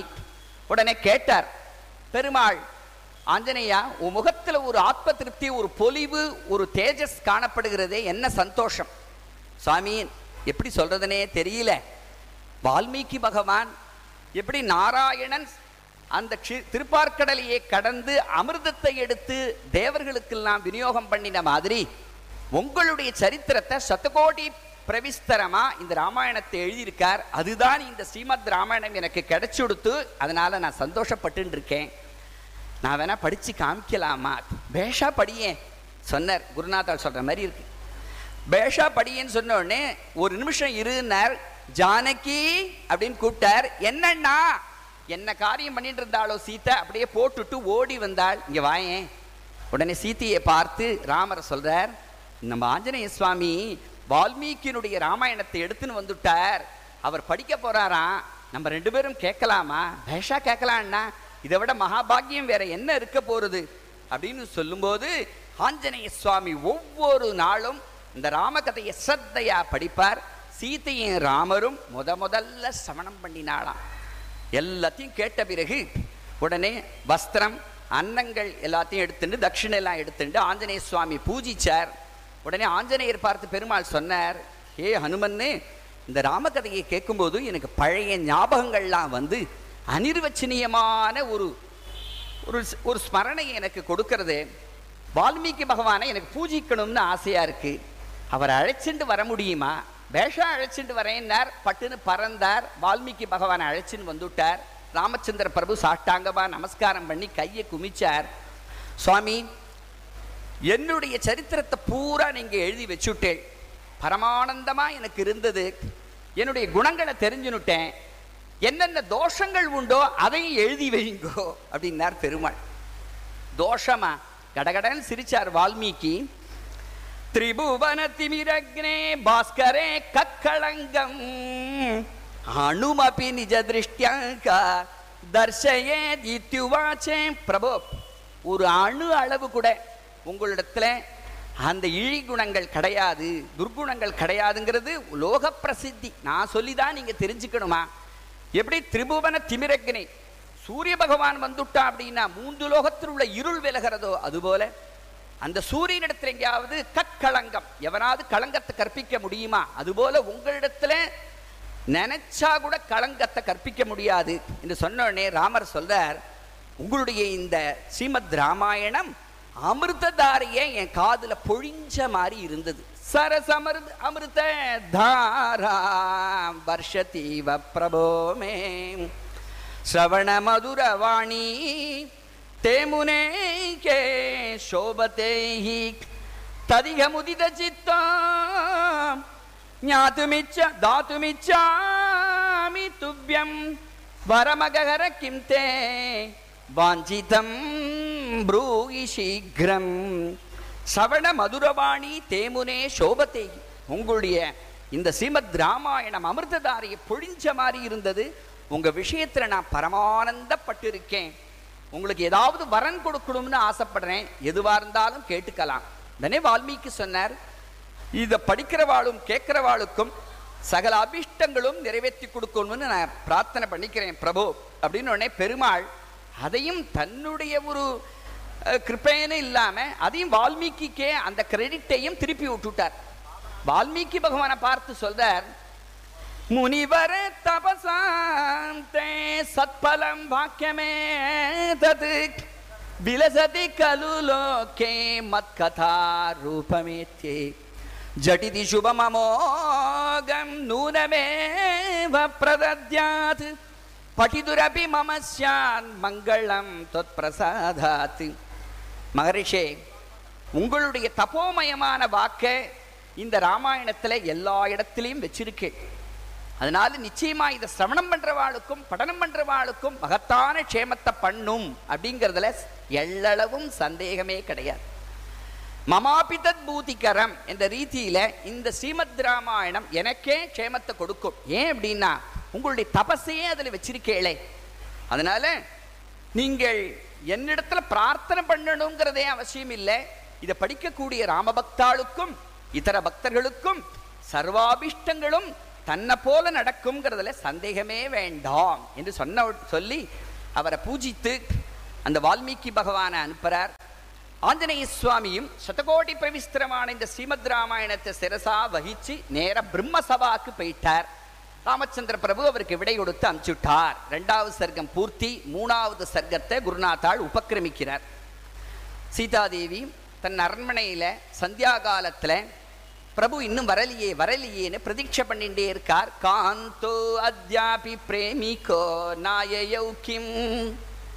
இந்த சந்தர்ப்பத்தில் அன்னைக்கு பௌர்ணமி தினம் ஆகாசத்துல பூர்ணச்சந்திரன் பவனி வரானான் பிராச்சி தேவ்யாக குங்குமம் வாலலாட்டே தேவஸ்திரீபிः பாதிதம் குங்கும் பாதிதம் கந்துகம் வா இத்தியாசங்காம் பாவயல் பாலகானாம் சித்தே கேயம் புப்ளுவே பூர்ணச்சந்திரஹா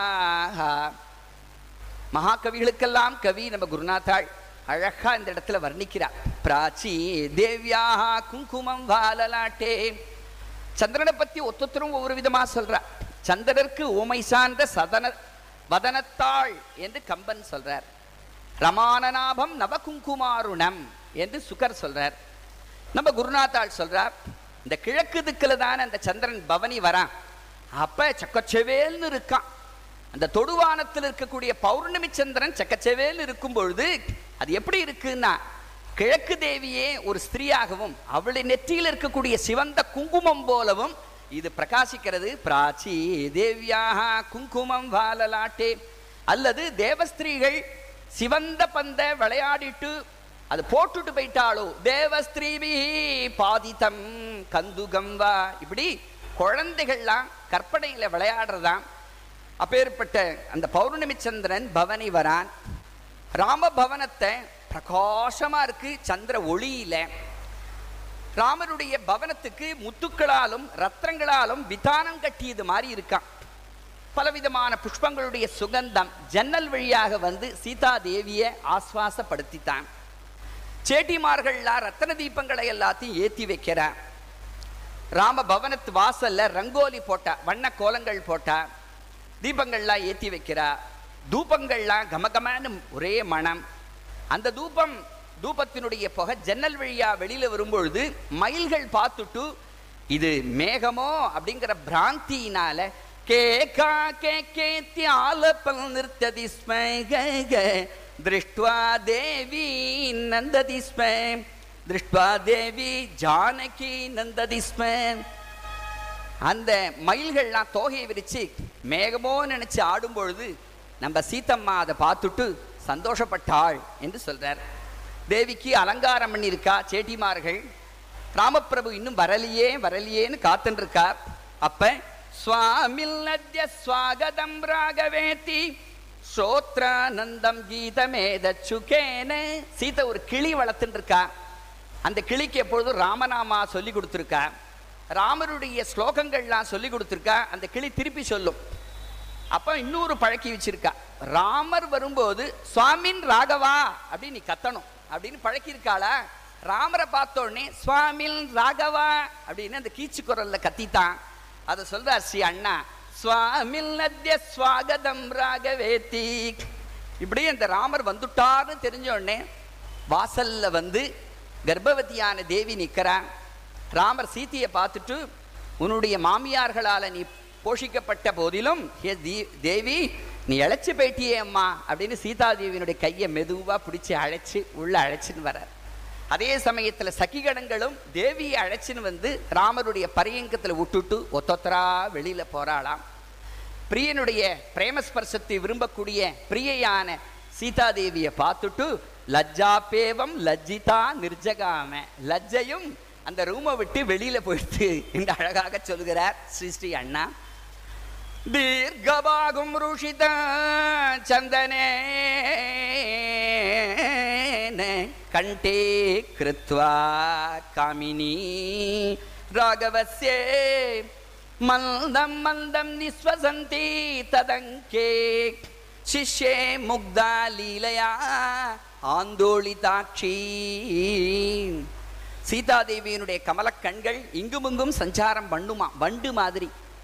அப்பேற்பட்ட கண்களோட சீதாதேவி ராமபிரபுவை கட்டாட்சிச்சார். சரீர சிரமம் கர்ப்பவதியா இருக்காளோனோ அதனால சரீர சிரமத்தோட ராமருடைய தீர்க்கமான சந்தன ரூஷித்தமான கையில சித்தனாய் அப்படியே சாஞ்சிண்டாளாம். அதே சமயத்தில் மல்லிகை முல்லை இவைகளுடைய புஷ்பங்களுடைய சுகந்தத்தை காத்து கொண்டு வந்து திவ்ய தம்பதிகளை சேவிக்கிறது. ஜன்னல் வழியாக அந்த சந்திரனுடைய கிரணங்களும் உள்ள வர்றது. அழகான சூழ்நிலை அவசரம். ஸ்பர்ஷே ஸ்பர்ஷே மோகயந்தீம் ஸ்வகாந்தா மந்தம் மந்தம் லாலயன் ராமச்சந்திர பூயோ பூயோ வாக்கிய பீயூஷதாராம் வர்ஷன் வர்ஷன் நந்தயாமாச சீதா ராமச்சந்திர பிரபு சீதாதேவியை அப்பப்ப ஸ்பர்ஷித்து அவளை சந்தோஷப்படுத்தி ஆனந்தப்படுத்துறார். முதல்ல தன்னுடைய திருக்கையினால கோஷீரத்தை பிராசனம் பண்ணிட்டு சீதாதேவிக்கும் கொடுக்கிறார். தான் அழகா தசவித சுகந்தம் நிரம்பிய தாம்பூலத்தை வாயில போட்டுண்டு உதடு செவக்க செவக்க பெருமாள் இருக்கார். சீதாதேவிக்கும் பிரசாதமா கொடுக்கிறார். சீதையை பார்த்து அழகா பேசுறார். வாக்கிய பீயூஷதாரம் பீயூஷன்னா அமிர்தம்னு அர்த்தம். பீயூஷம்னா அமிர்தம். அந்த தன் வாக்காகி அமிர்தத்தினால தேவியை பார்த்து சொல்லார் ஏ சீத்தே ஒரு மனுஷன் தன்னுடைய தோட்டத்தில் புஷ்பத்துடனும் பழத்துடனும் குலுங்கக்கூடிய ஒரு கல்பக கொடியை பார்த்து சந்தோஷப்படுறது போல கர்ப்பவதியான உன்னை பார்த்து நான் சந்தோஷப்படுறேன். சீதே உன் மூலமாக நான் நல்ல சந்ததியை அடைஞ்சு சொர்க்கத்தில் உள்ள அப்பா தசரதரை நான் சந்தோஷப்படுத்த போறேன். அதற்கு காரணமாக நீ இருக்கிறதுனால உன் விஷயமா எனக்கு அலாதியான பிரேமையும் பிரீத்தியும் உண்டாயிருக்கு என்று பெருமாள் சொல்றார். மேலே சொன்னார் ராமர் ஐஸ்வர்யம் புத்திரலாபஸ்ச பவிஷ்யத்தி நசம்சயஹான்னு சொல்லுவார் அதாவது இந்த ராமாயணத்தை படித்தாலும் கேட்டாலும் அவளுக்கு நிச்சயம் புத்திரலாபம் உண்டாகும்னு சொல்லுவா. சீதே இந்த ராமாயணத்தை கேட்டு நீ நீ கர்ப்பம் தரிச்சிருக்க. அதனால உன் விஷயமா எனக்கு சந்தோஷமா இருக்குன்னு சொன்ன உடனே சீதாதேவி ஆரியபுத்ரா என் வயிற்றில் உள்ள கர்ப்பம் தானும் வளர்ந்து உங்களுடைய சந்தோஷத்தையும் வளர்க்கிறது அப்படின்னா அதுக்கு நான் காரணம் இல்லை. பிரபு அதற்கு உங்களுடைய கிருபா கடாட்சம்தான் அதுக்கு காரணம் என்று வினயபூர்வமாக சொல்லி பிரபு உங்களுடைய ராமாயணத்தை கேட்க கேட்க எனக்கு அவ்வளவு ஆனந்தமா இருக்கு. ஸ்லோகே ஸ்லோகே தொத்குணாகா பிராணநாதா என்று சொல்ல உடனே ராமர் சொன்னார் சீத்தே கர்ப்பவதியான உனக்குன்னு ஏதாவது அபிலாஷை இருக்கும்னு கௌசல்யா அம்மா சொன்னான் அதனால போய் ராமா நீ சீதையினுடைய அபிலாஷை ஏதாவது இருந்தா பூர்த்தி பண்ணிட்டு வாப்பா. என்று எனக்கு சொன்ன சீதை உனக்குன்னு ஏதாவது அபிலாஷம் இருக்குமே அது என்னன்னு சொல்லேன். உடனே சீதாதேவி அகண்டமான ஆனந்தத்தை தரக்கூடிய பிரம்ம வித்தியை போல ராமரை பார்த்து சொன்னாளாம் சீத்தை கங்கா தீரே சித்திரகூடே விசித்திரே. பிரம்மர்ஷீணாமாசிரமே வா பவித்ரே. பூயோ வாசம் காமையே பிராணநாத்தா புண்ணியாரண்யே புண்டரி காயதாக்ஷா. ஹே புண்டரி காயதாக்ஷா பிரபு. பூர்வத்தில் நம்ம கங்கா தீரத்திலையும் சித்திரகூடத்திலையும் எவ்வளவு ஆனந்தத்தை அனுபவிச்சோம். மகரிஷிகளுடைய சங்கம் சங்கமத்தில். அதுபோல மகரிஷிகளுடைய ஆசிரமத்திற்கு மறுபடியும் என்னை அழைச்சின்னு போங்கோ. அங்கே எனக்கு உத்தமமான சத்சங்க சுகம் எனக்கு கிடைக்கிறது. அதை அனுபவிக்கணும்னு எனக்கு ஆசையார் இருக்கு. உடனே ராமர் சொன்னார் அப்படியே ஆகட்டும் சீதே என்று சொல்ல. சமாதானமான சீதாதேவி உடனே சித்திராழிக்கெல்லாம் தூங்கி போயிட்டா. அதே சமயத்தில் தலையாரிகள் பாரா ஜாக்கிரதை என்று முரசொலியை கொட்டிண்டு ராத்திரி வேளையில அவ வந்துட்டு இருக்கா ராமர் நினைக்கிறார் மாறு வேஷத்தில் சாரனோட இந்த அயோத்தியில போயிட்டு வருவோம் சஞ்சாரம் பண்ணி ஜனங்களுக்கு என்ன குறைன்னு தெரிஞ்சுண்டு வருவோம் ஏதாவது குறை இருந்தால் நிவர்த்தி பண்ணலாம் நிறைவேற்றி வைக்கலாம் அப்படிங்கிற எண்ணத்தோட சீதாதேவியை பரியங்கத்துல லேசா சாற்றிட்டு உடனே சாரனோட நகர சோதனைக்காக அப்படி வந்துட்டுருக்கார் இப்படி வந்துட்டு இருக்கும் பொழுது சகல ஜனங்களும் ராமரை பற்றியே எல்லாரும் சந்தோஷமா பேசிக்கிறார். ராமோ ராமோ ராமயிதி பிரஜானாம் அபவன் கதா ராமபூதம் ஜெகதபூத்து ராமே ராஜ்யம் பிரசாசதி. ராம ராஜ்யத்தில் எல்லா ஜனங்களும் ராமனான்னு பேசிக்கிறோமோ? அதுபோல ராமா ராமான்னு அவள்லாம் பேசிக்கிறான் பரம சந்தோஷமா. இப்படி இருக்கும்போது ஆனால் ஒத்தனே ஒத்தன் ஒரு ரஜக்கன் ஒரு வெண்ணா. அவனுடைய பத்னி லேட்டா வராளாம் அவன் ஆத்துக்கு உடனே வாசக்கதவை ராத்திரி பதினோரு மணி பன்னெண்டு மணிக்கு வந்து தட்டுறா. இந்த கதவை திறந்த அந்த வண்ணான் அவளை பார்த்தான். போடி இமை இங்க வராத. பிறன் வீட்டுக்கு போயிட்டு சுதந்திரமா திரிஞ்சுட்டு ராத்திரி லேட்டா வரக்கூடிய உன்னை ஆத்துக்குள்ள இனி சேர்த்துக்க மாட்டேன். என்ன என்ன ராமன்னு நினைச்சிண்டியா சீத்தையை சேர்த்துக்கிறதுக்கு?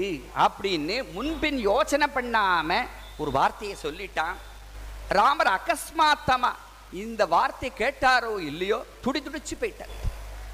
பெரிய இடி இடி விழுந்த பர்வதம் போலவும் அங்குஷத்தினால் தாக்கப்பட்ட யானை போலவும் ராமர் துவண்டு போயிட்டார். மேலே நகர சோதனைக்கு போக முடியல. வருத்தப்பட்டுண்டே தன் ஆத்துக்கு வரார். நினைச்சு பார்க்கிறார்.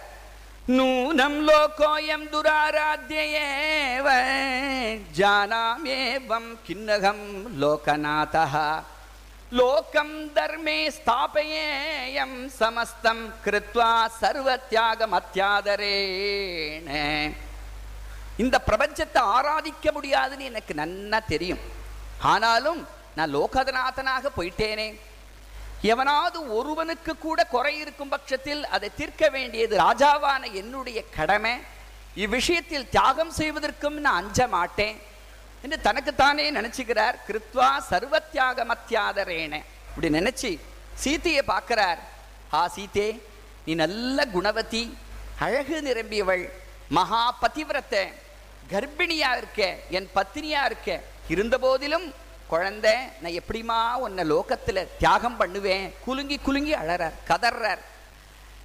மறுபடியும் நினைச்சு பார்க்கிறார். ஏதாவது பண்ணித்தான் உலகத்தில் தர்மத்தை ஸ்தாபிக்க ஸ்தாபிக்கணும் அப்படிங்கிற தீவிரமான எண்ணம் ராமருக்கு உண்டாயிடுத்து ராத்திரி பூரா இப்படி போகிறது மறுநாள் விடியறது அந்த சமயத்தில் கோழி கூவித்தான் நாலாவது சர்க்கத்தை உபக்கிரமிக்கிறார் குருநாதாள். அஜானத்தாம் தேய்மகிமான மகிமானமேவம் சுத்வாது வாக்கியம் நிருபமாவிஷீதே. காயாமி லோகே பிருதாவளிம் தே ராமேதி கிம் கூஜதி தாமிரச்சூடா ஹே ராமபிரபோ உனது மகிமையை அறியாதவர்களுடைய தூஷணையை கேட்டு நீங்க வருத்தப்படக்கூடாது. உங்களுடைய அருமை பெருமைகளை நான் பாடுறேன். காயாமிலோகே தே அப்படின்னு சொல்ற ரீதியில அந்த கோழி கூவித்தான்.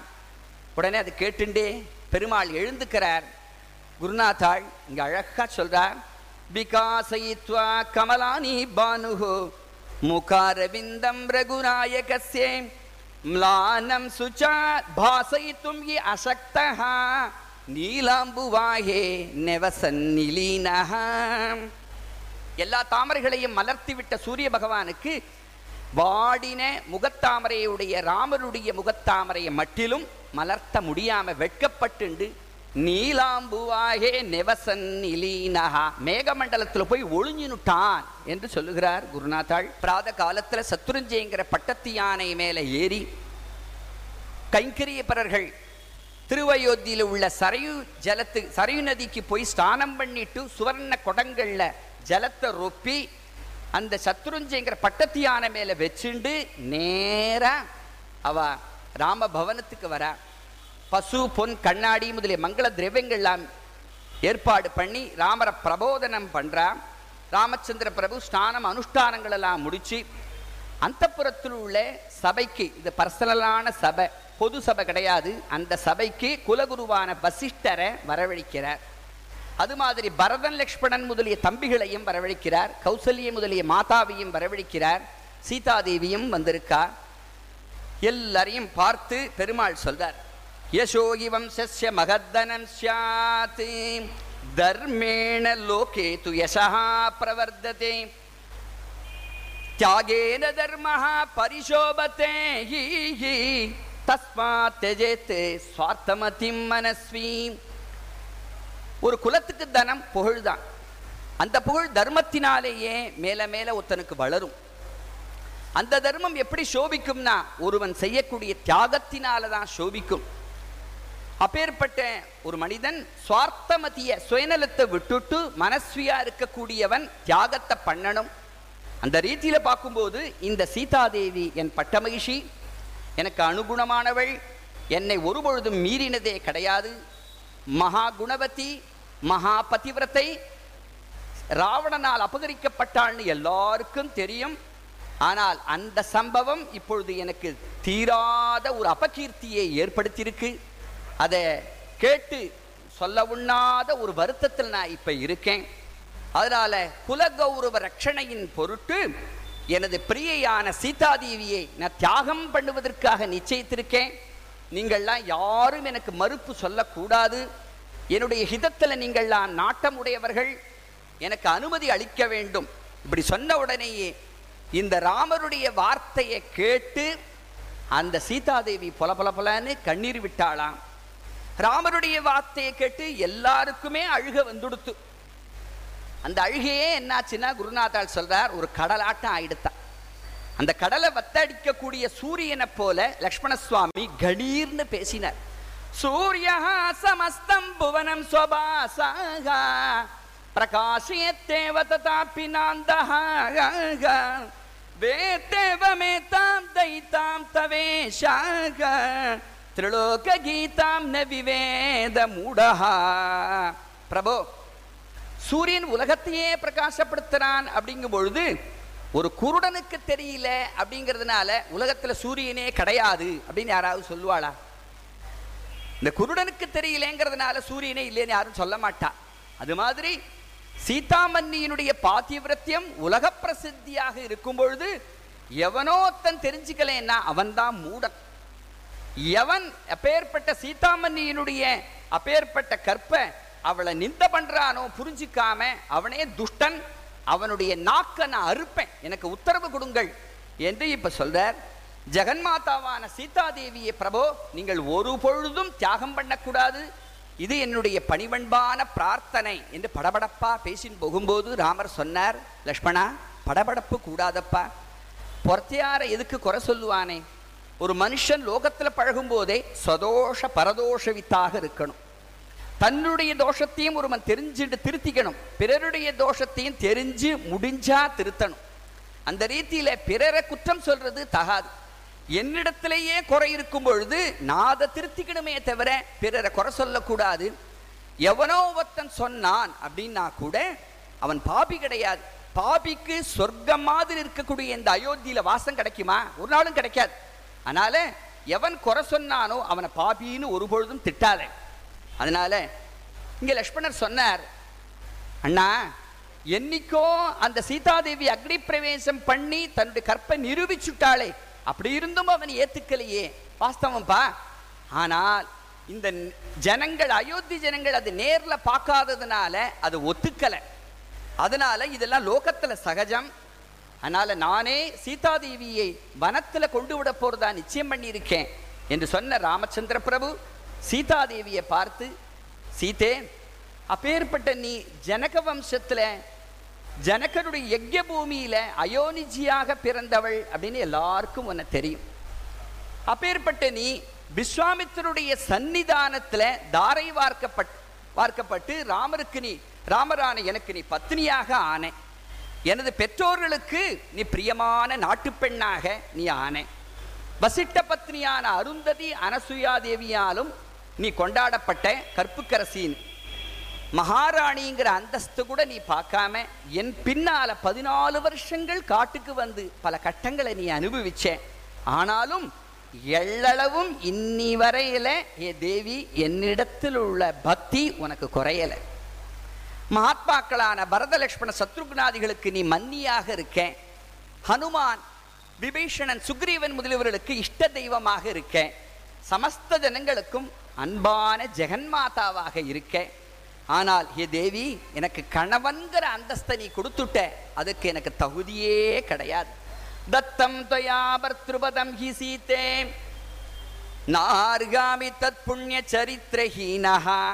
சரித்திரஹீனः பிரம்மாசனம் வேதவிதாம் யதான யுக்தம் விருஷலஸ்ய நூனம் தத்தம் துவயா பர்த்ருபதம் ஹி சீதே ஹே சீதே யாகத்துல பிராமணாளுக்கு கொடுக்க வேண்டிய பிரம்மாசனத்தை ஒரு சதுர்த்தனுக்கு கொடுக்க தகுமா? அதுபோல எனக்கு பர்த்தாங்கிற ஸ்தானத்தை கொடுத்துட்டேன். அதற்கு நான் தகுதியற்றவன். அப்பேற்பட்ட உன்னை கோர மிருகங்கள் இருக்கக்கூடிய காட்டில் உன்னை கொண்டு விடும்படி எனக்கு நேர்ந்ததே என்று இப்படி வருத்தப்பட்டு இருக்கிறச்சே ஒரு கம்பீரமான குரல். ஹே ராமச்சந்திரா அது ஒரு காலம் நடக்காது. அப்படின்னு ஒரு குரல் கேட்டு. எல்லாரும் குரல் வந்த திசையை நோக்கி திரும்பினா சாட்சாத் வசிஷ்டர். ராமா இது நியாயமா சொல். பிரஷ்டையான அகல்யா தேவியே பாததூளி ஒன்றினாலே நீ கரையேத்தின. ஆனால் லவலேசம் குற்றமில்லாத இந்த தேவியை நெருப்பில் தள்ளினியே நியாயமா? சரி அப்பேற்பட்ட தேவியை நீ லங்கையில அக்னி சோதனம் பண்ணி ஸ்புட்டம் போட்டு எடுக்கும்போது இந்த வசிட்டர் உன் பக்கத்துல இல்லை. ஆனால் இந்த அந்த வசிட்டர் இப்பொழுது உன் பக்கத்துல இருக்கிறதுனால நீ சொன்ன சொல் காட்டுல கொண்டு விடுவேன்னு சொன்னியே அது ஒரு காலம் நடக்காது. என்று இப்ப சொல்லிட்டு அப்ப சொல்ற ராமா இனி என்ன தர்மம் தெரியாதவனா? பதிவிரத்தாம் சோரகிருதாம் அகஸ்மாத் புங்தாம் பலாத்காரவசேன சுத்தாம். பத்ரீம் ந ஜக்ஷாதிதி தத்வவேதாக வியாசோபிரவி பிராக ததோஷனாச்சே ராகவா பரிசுத்தமான கற்புடைய ஒரு நங்கை சோரனால் அபகரிக்கப்பட்டு பலாத்காரமாக கெடுக்கப்பட்டிருந்த போதிலும் அந்த பத்திரியை தியாகம் பண்ணக்கூடாது அப்படின்னு வியாசரும் சுக்கராச்சாரியரும் சொல்லியிருக்கார். நீ என்ன தர்மம் தெரியாதவனா? மேலும் யாக்ஞவல்யர் சொல்லியிருக்கார். ஒரு ஸ்திரீயானவள் புத்தி பூர்வகமா ஜார புருஷனோடு சேர்ந்திருந்தாலும் அவளை வதம் பண்ணக்கூடாது அவளுடைய ஜீவனத்தை புடுங்கிட்டு அவளை விட்டுடணும் அப்படின்னு சொல்லியிருக்கா. இதெல்லாம் தெரிஞ்சும் கூட நீ இப்படி இருக்கக்கூடாது உன் பத்திரியை தியாகம் பண்ணக்கூடாது அதனால காட்டில் கொண்டு விடுவேன் நீ சொல்றது வீண் பிடிவாதம் தான் இப்படின்னு வசிட்டர் தன்னுடைய கட்சியில தன் மதத்தை ஸ்தாபிக்கிறார். உடனே பரதன் அழகா பேசுறார் பரதன் ரெண்டு கவியில் கூச்சிண்டார் அண்ணா லோகாபவாதேன சதீம் நா லோகாபவாதேன சதீம் ந ஜக்யாத் இத்தேவ தர்மம் புவி ராமச்சந்திரா பிரதர்ஷயத்வம் ச சரித்திரதோ அத்தியே எதிச்சசி பிரேம சதி கணானா அண்ணா பதிவிரதிகளான பெண்ணினங்களினுடைய பிரேமைக்கு நீங்கள் பாத்திரமாகும் பட்சத்தில் லோகாபவாதத்துக்கு பயந்துண்டு ஒரு ஸ்திரீயை காட்டுல கொண்டு விடக்கூடாதுங்கிற தர்மத்தை இந்த அவதாரத்துல நீங்க காமிக்கணும். அப்பதான் எல்லா குலஸ்திரீகளும் உங்களை கொண்டாடுவார் ஆனா அதை விட்டுட்டு லோகாபவாதத்துக்கு பயந்துண்டு சீதாதேவியை நீங்க காட்டுல கொண்டு விட்டாலும் உங்களுக்கு லோகாபவாதமே வரும். நீ ராமர் சொன்னார் வாஸ்தவம்பா நான் சீதையை சேர்த்து வச்சிருந்தாலும் லோகாபவாதம் வரும். காட்டுல கொண்டு விட்டாலும் வரும். ஆனால் ஆனால் யோகத்தை விட தியாகந்தாம்பா சிறந்தது. பரதா ஒன்று தெரிஞ்சுக்கோ ஏதாவது ஒரு வியாஜத்தினால் கூட இந்த சீதாதேவி என்னை வீட்டில் வச்சுண்டு லோகாபவாதத்துக்கு இடம் கொடுக்க மாட்டேன் என்று திட்டவட்டமா சொல்லிட்டார். பரதனை பார்த்தார். பரதா நீனே ஒரு காரியம் பண்ணி. சுகப்பிரசவத்திற்காகவும் குழந்தையினுடைய நல்ல சம்ஸ்காரத்திற்காகவும் முனிவனுடைய ஆசிரமத்தில் சீத்தை இருந்துருக்காள் அப்படின்னு நீனே உலகத்துக்கு தெரிவிச்சுடு என்று சொல்லிவிட்டார். இதை கேட்டு கௌசல்யா கண்ணீர் விட்டாள். அம்மாவை சமாதானப்படுத்தினார் ராமச்சந்திர பிரபு. சீதாதேவி அழைச்சிண்டு பெருமாள் அந்தப்புறத்துல பிரவேசிச்சார். சீதையை சமாதானப்படுத்துறார். சீதே ஜானாசி மே பாவம் பாவம் ஜே- ஜானாமி தே ததாக அனன்யாசி மயா சீதே பாஸ்கரேண பிரபாயதா. சீதே நம்ம ரெண்டு பேருக்கும் பிரிவுங்கிறது இந்த ஜெகத்தில் கிடையவே கிடையாது. நான் சூரியன் அப்படின்னா அதனுடைய பிரபை போன்றவள் நீ. உன்னுடைய ஹிருதயம் எனக்கு புரியும் என் ஹிருதயம் உனக்கு புரியும். ஆனால் சீதே தியாகந்தாமா உலகத்திலேயே வசத்தி. எங்கள் அப்பா சத்தியத்துக்காக என்னையே தியாகம் பண்ணலையா? அது மாதிரி ஏக்கம் தெஜேத் குலசியார்த்தே குலம் கிராமாய சந்தேஜேத். தேசாயைவம் தெஜேத் கிராமம் ஏஷ தர்மோகி பூபுஜா ஒரு குலத்தை காப்பாற்றணும்னா ஒத்தனை தியாகம் பண்ணினா அந்த குலத்தை காப்பாத்தி விடலாம். ஒரு கிராமத்தையே காப்பாற்றணும்னா ஒரு குலத்தையே தியாகம் பண்ணி விடலாம். ஒரு தேசத்தையே காப்பாற்றணும் அப்படின்னா ஒரு கிராமத்தையே தியாகம் பண்ணி தான் அந்த தேசத்தை காப்பாற்றணும் அது இது ராஜாக்களுடைய தர்மம். அதனால தியாகத்தினால என்னை சந்தோஷப்படுத்து என்று சொன்ன உடனே தேவி சொல்றா பாலஹஸ்தகதாம் நாதா தாரவி புத்திரிகாமிவே. அண்ணா குழந்தைகளுடைய கையில் உள்ள பொம்மை மாதிரி நான் இருந்துட்டு இருக்கேன் உங்களுக்கு எது உச்சிதமோ அதை பண்ணுங்கோ. உங்களுக்கு எது எப்போ வந்து குலத்தினுடைய கீர்த்தி முக் முக்கியமோ அதற்கு அந்த விஷயத்தில் நான் உங்களுக்கு அனுகூலமா இருப்பேன் என்று சொல்லி அப்ப ராமர் சொல்றார் இந்த சீதையை சமாதானப்படுத்தி குபுத்ரோ ஜாயத்தே லோகே குமாதா நைவ ஜாயத்தே தோஷபூர்ணே சுதேபேஷ குணமே வகி பசதி சீதே உலகத்தில் கெட்ட பிள்ளை உண்டு ஆனால் கெட்ட மாதா கிடையாது. அப்பேற்பட்ட பிரபஞ்சத்துல உன்னையே தூஷண சொல்றதுக்கு ஜனங்கள் ஆரம்பிச்சுட்டா அப்படின்னா அந்த ஜனங்களிடத்திலையும் நீ கருணையே காட்டத்தக்கவள். நீ தானே ஆஞ்சநேயரிடத்துல சொல்லியிருக்கே பாபானாம் வா சுபானாம் வா வதார்கானாம் பலவங்கமே காரியம் கருணமாரியேன கஷ்டின் நாப்பராத்தியதி. ஆஞ்சநேயா நமக்கு யாராவது அபச்சாரம் பண்ணியிருந்தாலும் அவளுக்கு திருப்பி நம்ம உபச்சாரம் பண்ணணுமே தவிர அபச்சாரம் பண்ணக்கூடாதுன்னு தேவி நீ சொல்லலையா? அதுபோல உன்னையே தூஷிக்கிறதுக்கு முற்பட்ட இந்த உலகத்துல நீ கருணை காட்டுமா உடனே சீதாதேவி பெருமாளை சேவிச்சுட்டு சொல்றா பாதுகாம் தேகிமே நாதா சர்வலோக நமஸ்கிருதாம் மகதீ நாம் சே லோகேஸ்மில் அபயப்பிரதா அண்ணா ஆர்த்தர்களுக்கும் அகதிகளுக்கும் அபயப்பிரதானம் பண்ணக்கூடிய உங்களுடைய பாதுகைகளை எனக்கு தானம் பண்ணுங்கோண்ணா என்று பரதாழ்வான் அன்னைக்கு சொன்னார் இல்லையா? சித்திரகூடத்தில். அது மாதிரி பிராட்டி கேட்டுக்கிறார் சைத்தன்ய மகாபிரபு விஷ்ணுப்பிரியா தேவிக்கு எப்படி பாதுகையை தானம் பண்ணாரோ அதுபோல ராமச்சந்திர பிரபு ரெண்டு பேருமே பிரபு. இங்கே ராமச்சந்திர பிரபு அங்கே சைத்தன்ய மகாபிரபு. அந்த ராமபிரபு தன்னுடைய பாதுகையை தேவிக்கு கொடுத்து அப்போ ஒரு வார்த்தை சொல்றார். எல்லாரும் கவனிக்கணும். இந்த இடம் முக்கியமான இடம். வால்மீகேர் ஆசிரமம் சீதே கதாபித்வம் மனஸ்வினி. நகி நிர்யாசிமே சித்தாது துவமேவ மம தெய்வத்தோ. எல்லாரும் உலகத்தில் பேசிப்பா கர்ப்பவதியான சீதாதேவியை கொண்டு விட்ட ராமர் கல் நெஞ்சுக்காரன் உலகத்துல தூற்றுவா. நம்ம ஒரு காலம் அந்த மாதிரி தூற்றக்கூடாது. குருநாத்தாள் ஸ்ரீ அண்ணா மகாபிரபையனுடைய கிருப்பைக்கு பாத்திரமான நம்ம ஒரு காலம் தப்பித்தவரி கூட ராமபிரபுவை கடுஞ்சொல் சொல்லாதீங்கோ. இங்க சீதாதேவியை பார்த்து ராமர் சொல்றார் அம்மா குழந்தை நீ வால்மீகியினுடைய ஆசிரமத்திற்கு நீ போனா கூட நகி நிர்யாசிமே சித்தாது என் சித்தத்திலிருந்து நீ போயிடாதம்மா நீந்தாமா எனக்கு தெய்வம் அப்படிங்கிற. ராமருக்கே சீத்த தெய்வம்னா நமக்கெல்லாம் தெய்வம் இல்லையா அந்த அம்மா? அப்படி ராமர் சொல்றார் சீதே நீ கவலைப்படாதம்மா. நமக்கு பாக்கிய விசேஷம் இருக்கும் பட்சத்தில் நிச்சயமா நம்ம ரெண்டு பேரும் ஒன்று கூடுவோம். தேவர்களும் ரிஷிகளும் நமக்கு அனுக்கிரகம் பண்ணுவா. நீ கவலைப்படாதே. அடிக்கடி ஆஸ்வாசப்படுத்தினார். நாலாம் ஜாமம் ஆச்சு. உடனே சீதாதேவி எழுந்து முகத்தை அலம்பிண்டு நெத்தியில் அழகான குங்கும பொட்டை இட்டுண்டா. லக்ஷ்மண சுவாமியை பார்த்தா லக்ஷ்மணா ரதத்தை பூட்டிட்டு வாப்பா என்று உத்தரவிட்டா.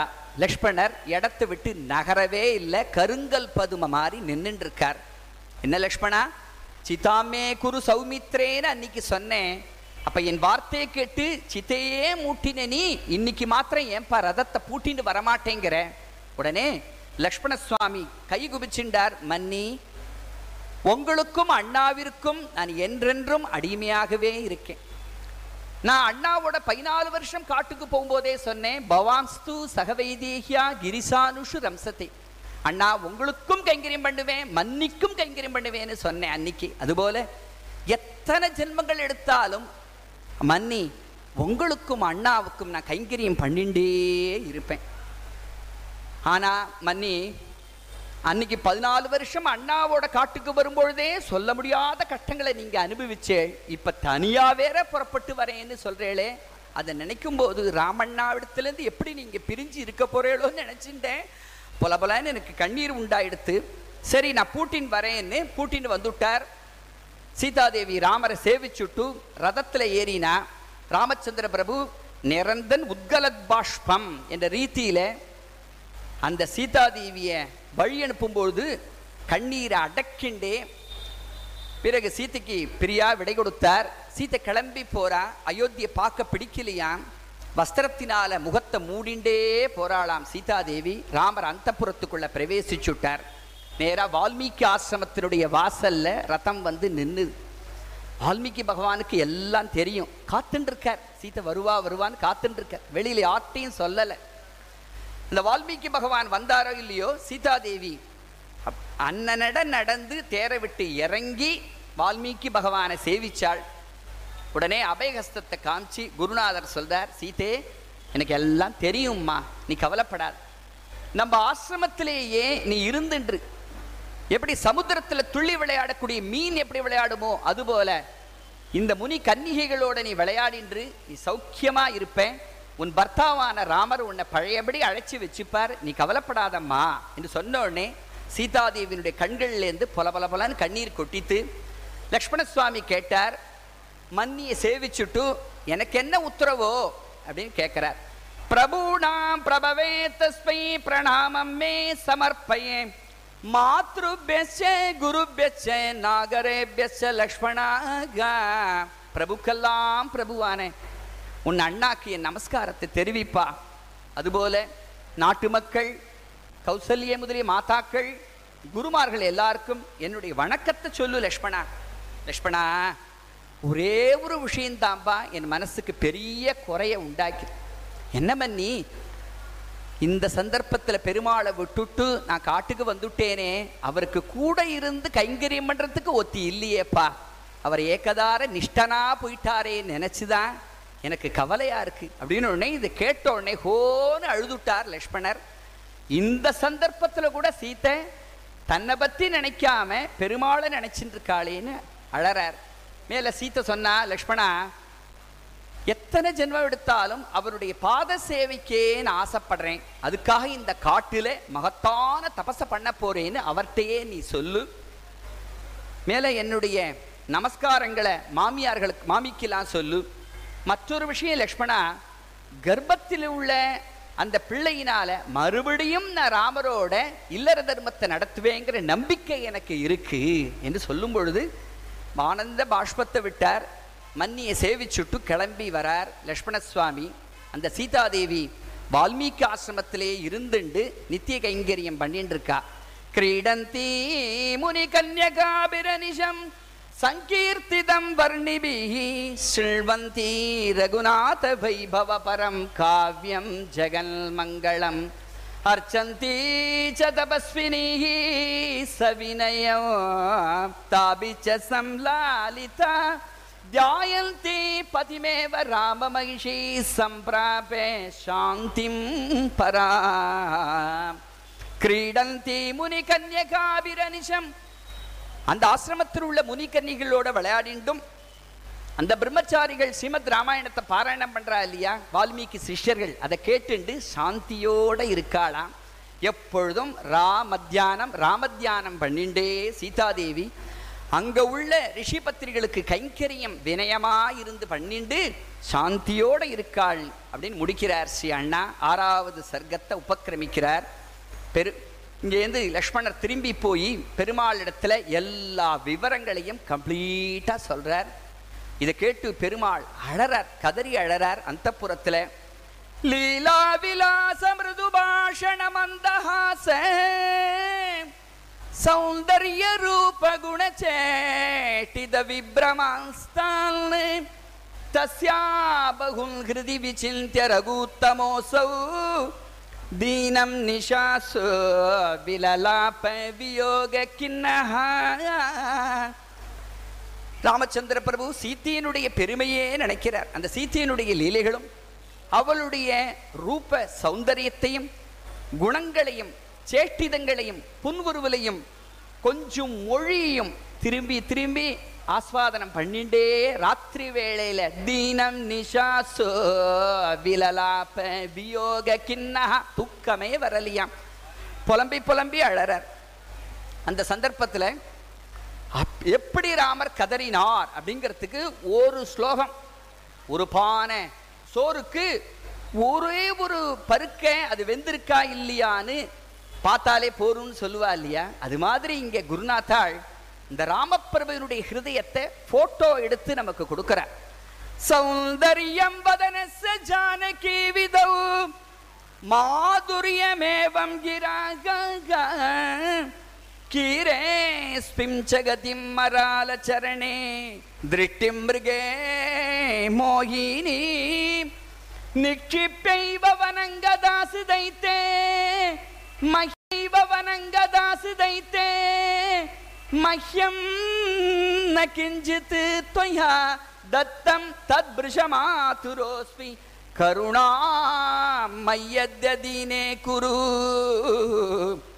ஹே ஜானகி உன் முக அழக சந்திரனிடத்துல கொடுத்தியேம்மா உன் நடை அழக அழகான அன்னப்பக்ஷியிடத்துல கொடுத்தேன் உன்னுடைய கமல நயனங்களுடைய அழக மானிடத்துல கொடுத்த சுருள் சுருளான கேசபாரங்களுடைய அழக மயிலோடைய தோகையில வச்சேன்.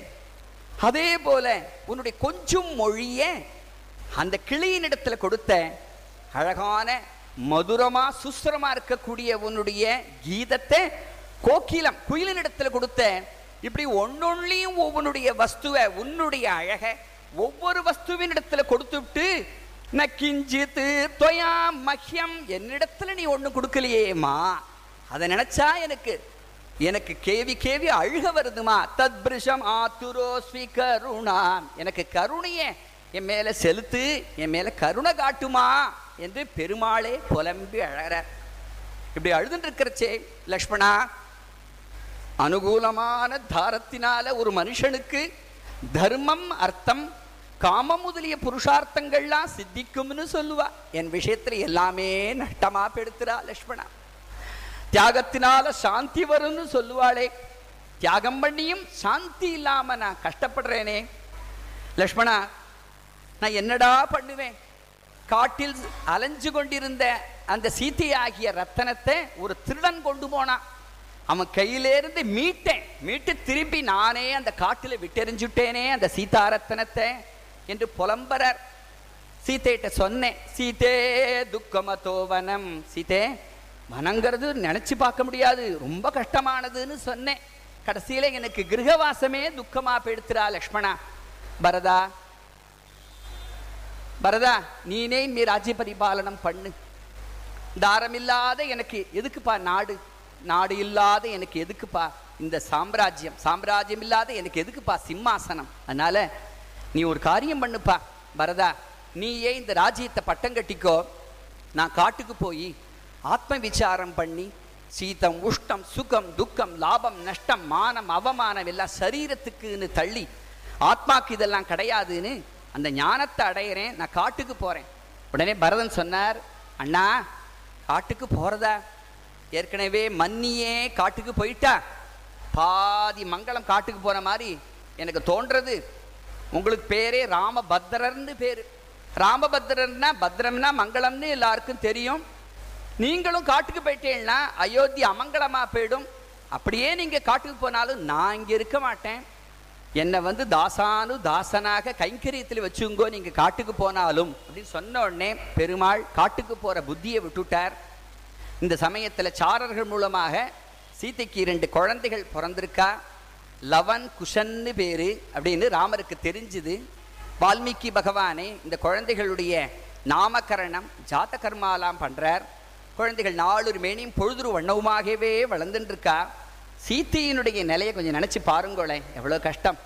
கோதோகனே மந்திர மார்ஜனே பி சம்பாதனே புஷ்ப புஷ்பசமித்பலானா சம்சேச்சனே பாஜனே சோதனே சே चे साहाय्यमेषा चे चकार तेषां கோதோகனே சீதாதேவி ஆசிரமத்தில் உள்ள மாடுகள் எல்லாம் கறக்கிறதுக்கும் அங்குள்ள பாத்திரங்கள் எல்லாம் சுத்தி பண்றதும் தீர்த்தம் தெளிக்கிறதும் கோலங்கள்லாம் போட்டு சுத்தமா வைக்கிறதும் பெருக்கிறதும் இப்படி முனி முனி கன்னிகைகள் என்னென்ன கைங்கரியம் பண்ணுவாளோ அவளோடு சேர்ந்து சேர்ந்து சகல கைங்கரியங்களையும் கைங்கரியங்களையும் சீத்தையும் பண்றாளாம் தினே தினே சா முனி பாலகானாம் மனோரமம் சுஸ்வர வேத கோஷம் சிண்வந்தலம் சாந்திமவாபதேஷாம் சொசேவ சக்கரே கருணா மிருகாட்சி ஆசிரமத்தில் உள்ள முனி குழந்தைகள் எல்லாம் வால்மீகியுடைய சிஷ்யர்களாக இருக்கிறதுனால நித்தியம் ராமாயண பாராயணம் பண்ணுவாளாம்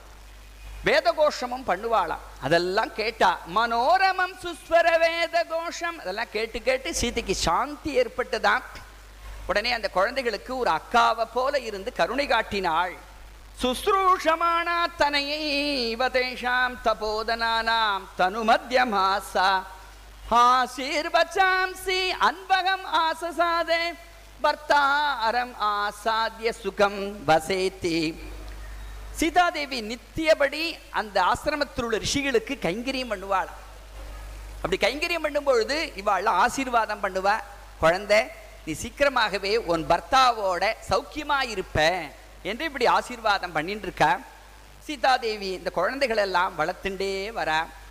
ஒரு மாதம் ஆகிடுத்து இந்த குழந்தைகளை தொட்டில்ல போட்டு மரத்தொட்டில்ல போட்டு தாளாட்டுறா தாளாட்டும் போது ஒரு பாட்டு பாடுறா சீதாதேவி. இந்த பாட்டோட அர்த்தத்தை நம்ம நினச்சி பார்த்தா ஆச்சரியமா இருக்கு. குழந்தைகளா நீங்கள் ரெண்டு பேரும் இந்த நாட்டு ராஜகுமாரர்களாக நீங்கள் இருந்தாலும் இந்த காட்டில் நீங்கள் விளையாடின்னு இருக்கீங்களப்பா ஏ குழந்தைகளா உங்களுடைய பிறந்த நாள் விழாவை உங்க அப்பா ராமர் செய்வதற்கு பாக்கியம் பண்ணலை. எனக்கும் குழந்தைகளான உங்களை உங்க அப்பா மடியில் போடுறதுக்கு நானும் அவ்வளோ பாக்கியம் பண்ணலை. குழந்தைகளா வைடூரியம் கோமேதகம் முதலிகள்லாம் வச்சு இழைக்கப்பட்ட அழகான தங்கத் தொட்டில்ல வளர வேண்டிய நீங்க ரெண்டு பேரும் இங்க மரத்தொட்டில வளர்ந்துட்டு கேளப்பா உங்களுடைய மழை சொல்ல கேட்கறதுக்கு உங்க அப்பாவும் அவ்வளவு புண்ணியம் பண்ணல. அல்லது உங்க அப்பாவாவது குழந்தைகளான்னு கூப்பிட்டு ரெண்டு பேரையும் தன் மடியில போட்டுண்டு கையால தடவி கொடுக்கக்கூடிய கரஸ்பர்சம் உங்களுக்கும் கிடைக்காம போயிடுத்தேன். சுட்டிப்பதக்கம் கிங்கிணி கங்கணம் அணிய வேண்டிய இங்க காய்ச்ச முத்துக்கள் எல்லாம் அணிஞ்சுண்டு நீங்கள் சோபிக்கிறேன் ஆனால் ஒண்ணு மாத்திரம் நிச்சயம் குழந்தைகளா. இந்த முனிவர்களுடைய ஆசீர்வாதத்தால ஆசீர்வாதத்தால நீங்க ரெண்டு பேரும் என்ன உங்க அப்பாவோட சேர்த்து வைப்பேள் இல்லையா? என்று கட்டோர ஹிருதயத்தையும் உருக்கக்கூடிய ஒரு பாட்டு பாடினாளாம். எதிர்ச்சையா வால்மீகி பகவான் அங்கு வந்தவர் கேட்டுட்டார் பொல பொலன்னு கண்ணீர் விட்டார். பட்டுன்னு சீதாதேவியை பார்த்து சொல்றார். वत्से सुखं प्राप्नुहि मा विषीदे। पश्यानयोरात्मजयोर्मुखाब्जं प्रकर्षकालः சமுபஸ்திதஸ்தே வதாமி நூனம் ஹிருதயேன சத்தியம் குழந்தை சீத்தே அழாதம்மா. இனி நீ சந்தோஷமா இருக்க கால் இருக்க வேண்டிய காலம் வந்துடுத்து. எப்படி சுந்தரகாண்டத்தில் திருப்பி திருப்பி ஆஞ்சநேய சுவாமி இதே சொல்லுவார் இல்லையா? சீதா தேவிக்கு அதுபோல இங்கே வால்மீகி பகவான் சொல்றார் சீதம்மா நீ அழாது. பஷ்யானையோர் ஆத்மஜயோர் முகாப்ஜம். குழந்தைகளுடைய முகத்தாமரையை பார். உனக்கு சந்தோஷமான காலம் சமீபத்தில் வந்துடுத்து. பிரகர்ஷ காலஹா சமுபஸ்திதஸ்தே வதாமி நூனம். என் வாக்குல பொய்யே வந்ததில்லை. பிரம்மாவே சொல்லியிருக்கார். நதேவா வாக் அனிருத்தா காவியே காட்சி தத்திர பவிஷ்யத்தின்னு சொல்லியிருக்கார். ஏ தேவி வதாமி நூனம் ஹிருதயேன சத்தியம் ஹிருதயத்தோட சொல்றேன் சத்தியத்தை பேசுறேன். சீக்கிரமாகவே நீ ராமரை அடைய போற. நீ சொன்ன உங்களுடைய மழை சொல்ல உங்க அப்பா கேட்கறதுக்கு அவ்வளவு புண்ணியம் பண்ணலையேடா அப்படின்னு நீ சொன்னியோ இல்லையோ? மழை சொல் என்ன?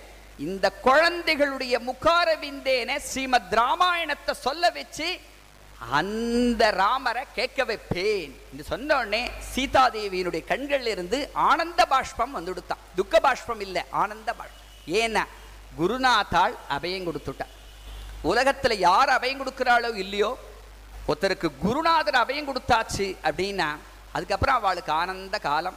சந்தோஷமா இருக்கா? குழந்தைகள் நாளொரு மேனியும் பொழுது வண்ணமா வளர்றா. வேதங்கள்லாம் குருதேவர் சொல்லித்தரார் ஸ்ரீமத் ராமாயணம் சொல்லித்தரார். இவாளுக்கு ரெண்டு வித்தை சத்திரிய வித்தை பிரம்ம வித்தை ரெண்டுதுலேயுமே மகா கெட்டிக்காராளா இருக்கார்.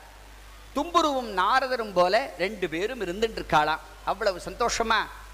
எங்க கானம் பண்ணாலும் எல்லாரையும் இவ ஆக்கர்ஷிக்கிறார் இந்த ஆக்கர்ஷிக்கும் போது எல்லா ஜனங்களும் இவாளுடைய குரல் மதுரமான துவனி. அப்படி முக கமலத்தினுடைய அழகு எல்லாரையுமே இது பாவனப்படுத்துறது. இந்த சமயத்தில் சத்ருகுண சுவாமி பன்னெண்டு வருஷம் கழிச்சு மறுபடியும் ராமரை தரிசனம் பண்ணணும் அப்படிங்கிறதுக்காக மதுரால தான் இருந்துட்டுருக்கார். மதுராவில் மதுரால பட்டாபிஷிக்தனான ராஜாவாக இருந்துட்டுருக்கார். லவணாசுரனை வதம் பண்ணினதுனால முனிவர்கள் அவரை மதுரைக்கே பட்டாபிஷிக்தனாக பண்ணிட்டா. ராமரை தரிசனம் பண்ணணும்னு வரார். வர்ற வழியில் வால்மீகியினுடைய ஆசிரமம் அங்கேருந்து வந்து வால்மீகி பகவானை சேவிச்சார்.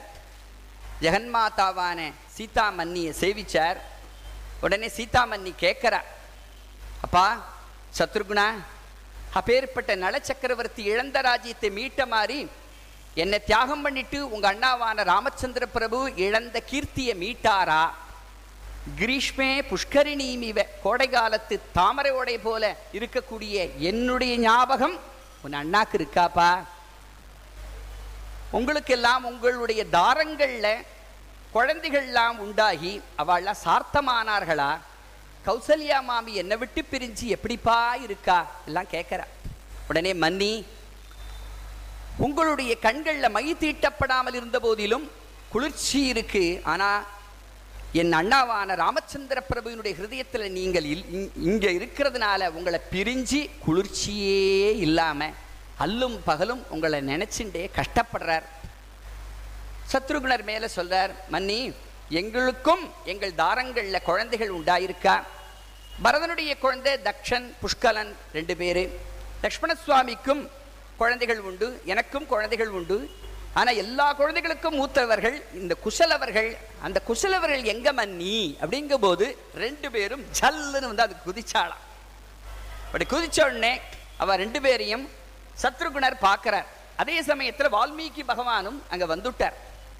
இந்த வால்மீகி பகவான் லவகுஷாலை பார்த்து ராமாயணத்திலிருந்து ஒரு கட்டம் இவாளுக்கு இவருக்கு உபதே உபன்யாசம் பண்ணு என்று சொன்ன உடனேயே அழகா வீணையை மீட்டிண்டே குசலவர்கள் ரெண்டு பேரும் சத்ருகுண சுவாமிக்கு எழுத்தாப்புல உட்காந்துட்டு ராமாயணத்துல ஒரு கட்டம் பிரவச்சனம் பண்ணின உடனே பரமானந்த பரித்தராக ஆகி ரெண்டு குழந்தைகளையும் கட்டிண்டு ஆனந்த பாஷ்பம் விட்டார் சத்ருகுண சுவாமி.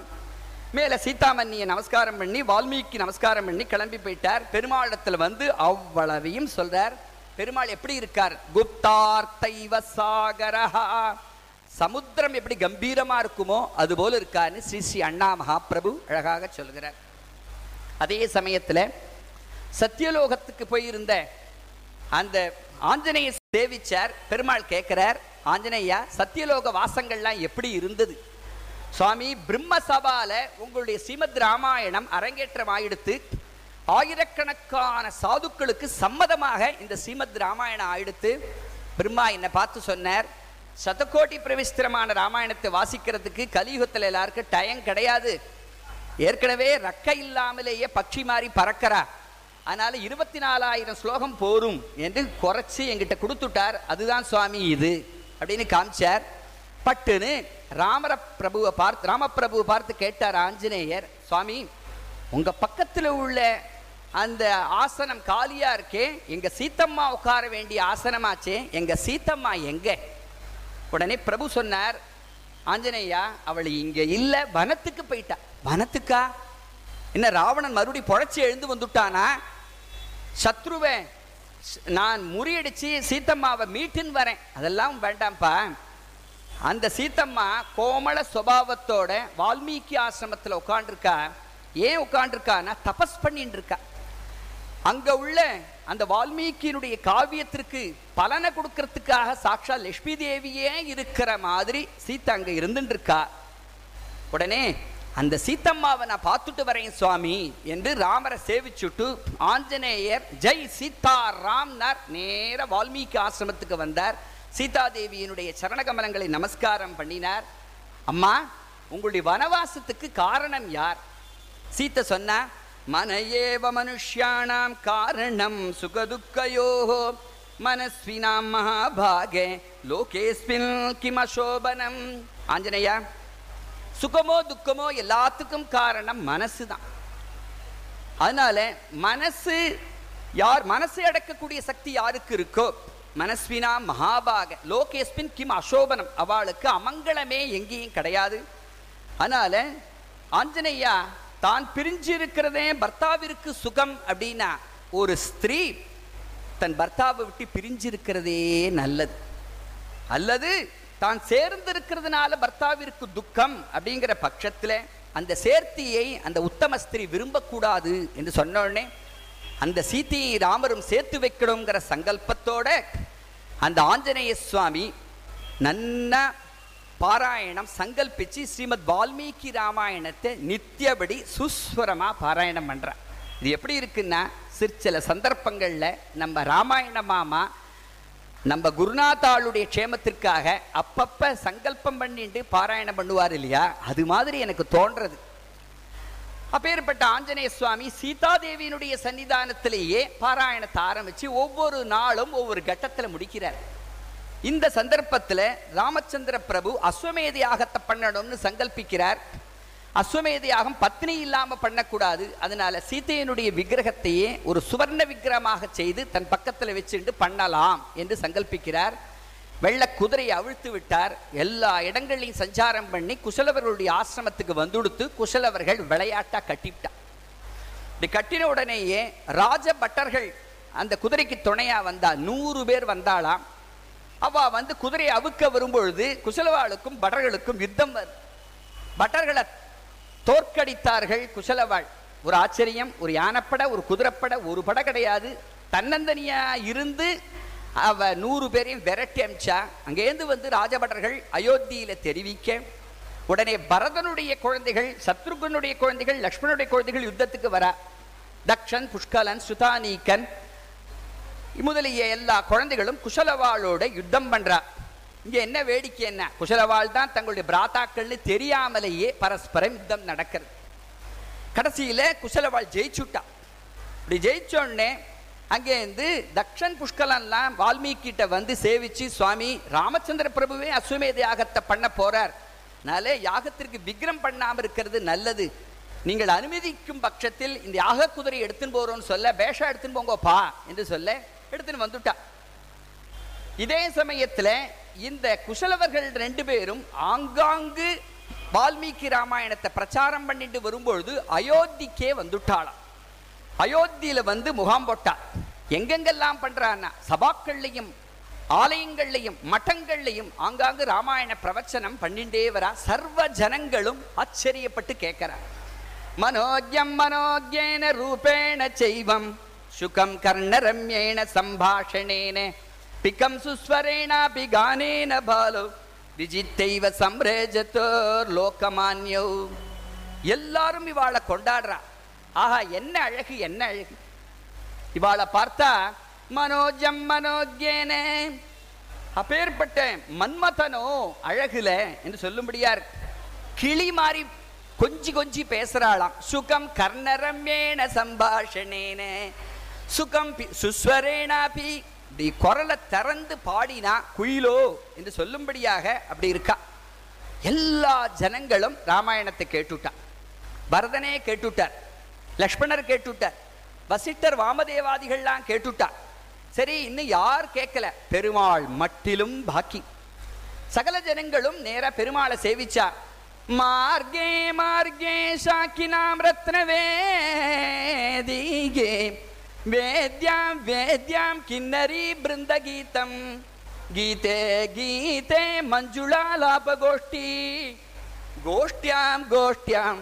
தொத்கதா ராமச்சந்திரா பிரபு ராமச்சந்திரா. அயோத்தியினுடைய ரெண்டு பக்கங்களிலும் விருட்சங்கள் அந்த மரங்களுடைய அடியில ரத்தன மேடைகள். ஒவ்வொரு மேடையிலையும் கிண்ணற ஸ்திரீகளுடைய கானம். அந்த கானத்தை கேட்டா ராமாயணமாகவே பொழிஞ்சு தள்ளுறா. அப்படியா? அந்த கிண்ணற ஸ்திரீகள் ராமாயண கானம் பண்றானா? அவளுக்கு சொல்லி கொடுத்தது யார்? யாரோ ரெண்டு குழந்தைகள் தபஸ்வியான குழந்தைகள் குசலவர்கள்னு பேரு சூரியனை போல ஜொலிக்கிறா. சந்திரனை போல வசீகரமான முகம் மன்மதனை போல அழகு குயிலை போன்ற குரல் சம்பாஷணை பண்றதுல கிளி தோத்து போயிடும்.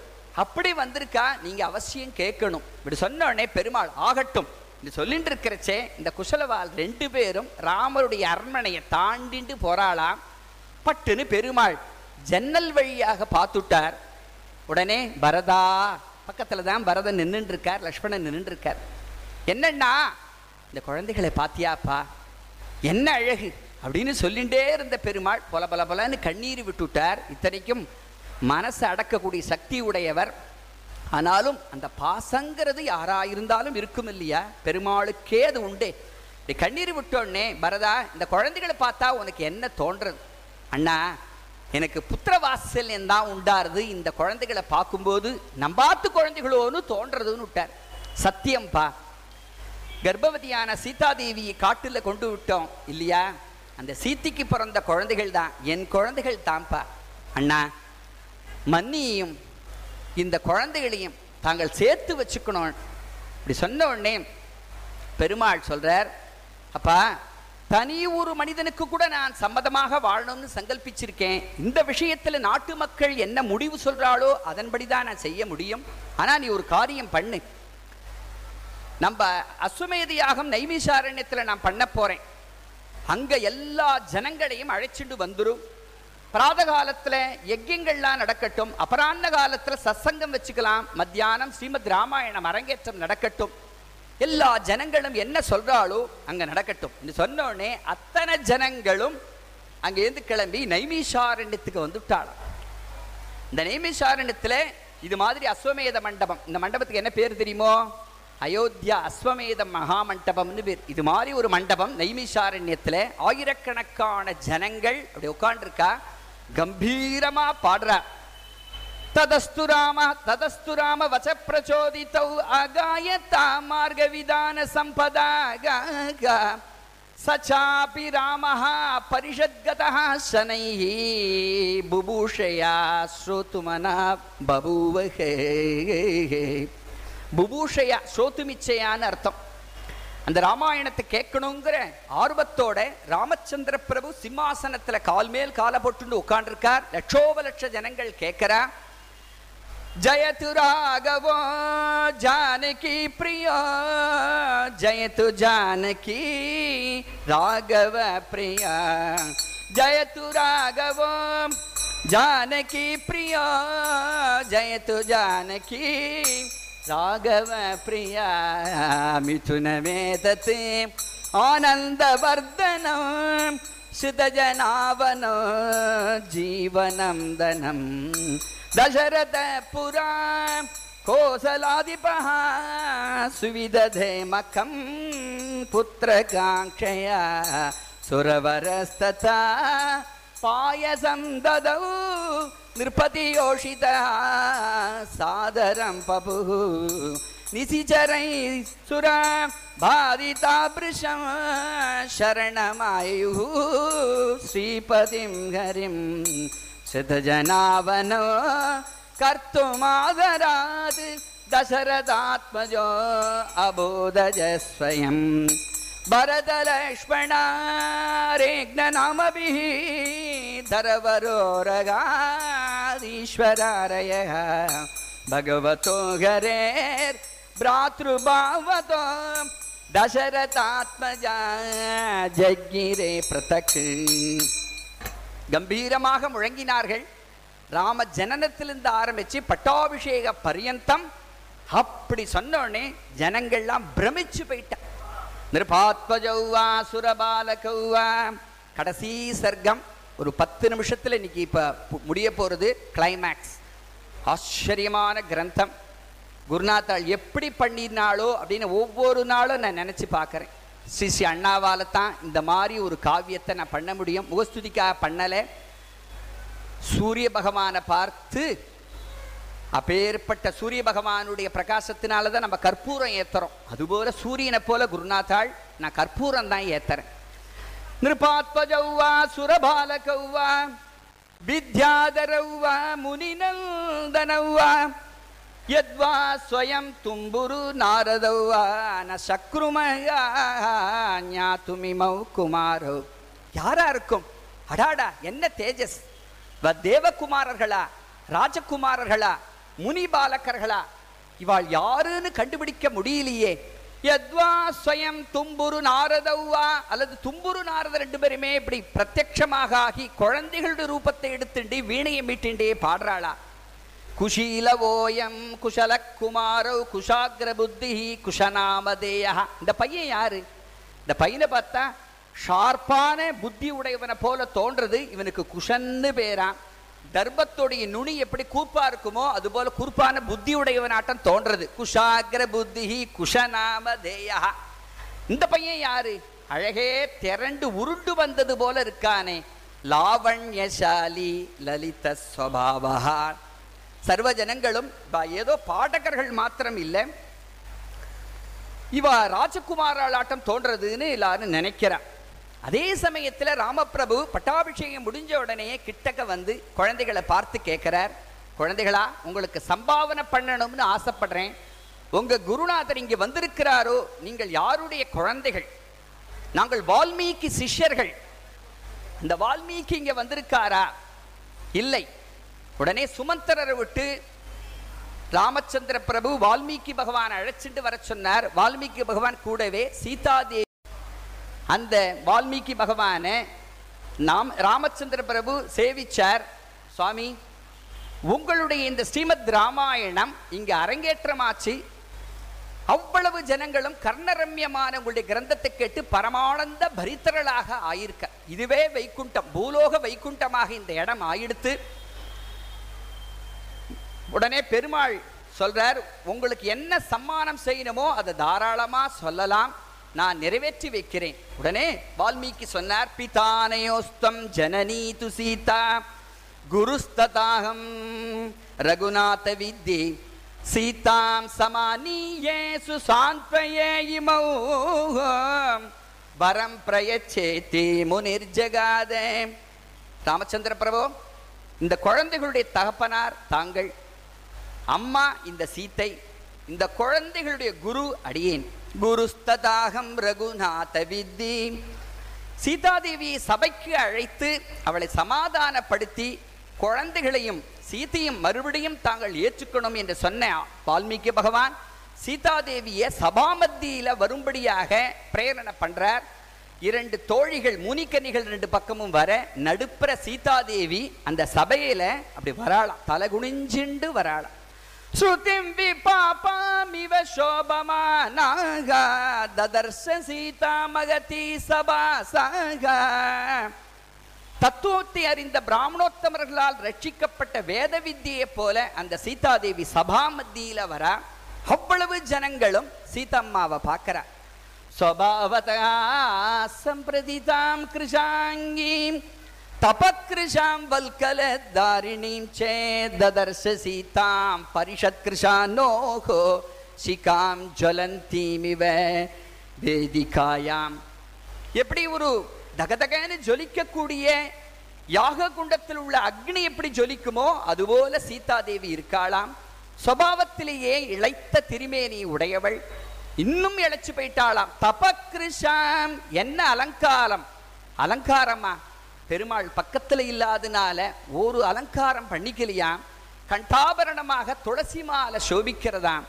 ரத்தன ஜடிதமான கங்கணங்கள் சோபிக்க வேண்டிய அந்த திருக்கரங்கள்ல துளசி முத்துக்களாலே கோப்ப கோக்கப்பட்ட வளையல போட்டுருக்கா திருமேனியில ரிஷி பத்திரிகள் கட்டிக்கக்கூடிய மர உரிய கட்டிண்டு வந்திருக்காளாம். வல்கல தாரிணீச்சே ததர்ஷ சீதா பரிஷத் கிருஷானோஹோ அத்தனை பேரும் அப்படி பார்க்கறான். ராமருக்கு எப்படி இருந்ததுன்னா அவாபலஜாம் கருணாம் பிரகர்ஷம் துக்கம் பயம் பிரேமச்சே சாந்திமக்ராக சீதாதேவி அத்தனை பேருக்கும் சாந்தியை கொடுக்கிறாளாம் அத்தனை பேரும் சாந்தியோட சீத்தையை பார்த்தாலே சாந்தி உண்டாருது இன்க்ளூடிங் ராமர். குருநாத்தாள் சொல்றா சாந்திமக்ரியாம் ராமருக்கே சாந்தி உண்டாச்சான் சீத்தையை பார்க்கும் பொழுது தபஸுனால தகதகன்னு ஜொலித்து இழைத்த திருமேனியோட இருக்கா? ராமருக்கு என்னென்ன ஃபீலிங்ஸ் உண்டாச்சுங்கிறத சொல்றார். சந்தோஷம் கருணை துக்கம் பயம் பிரேம சாந்தி. உடனே ராமரை பார்த்து வால்மீகி சொன்னார் பிரபு ராகவா இந்த சீதாதேவி ஜனக்கராலே ஜனக வம்சத்துல ஜனக்கர் யஜ்ய பூமியை உழும்பொழுது அயோனிஜியாக தோன்றியவள். அப்பேற்பட்ட இந்த சீத்தை விஸ்வாமித்திரருடைய சன்னிதானத்தில் உமக்கு தாரை வார்த்து கொடுக்கப்பட்டாள் உனக்கு ஏற்ற பத்தினியாக ஆனாள். பனிரெண்டு வருஷங்கள் உன்னோட இல்லற தர்மத்தை நல்லற தர்மமாக நடத்தினாள். அப்பேற்பட்ட நீ காட்டுக்கு போகும் பொழுது உன்னை நிழல போல பின்தொடர்ந்து காட்டுக்கும் வந்து சொல்ல உண்ணாத கட்டங்களை அடைஞ்சாள்.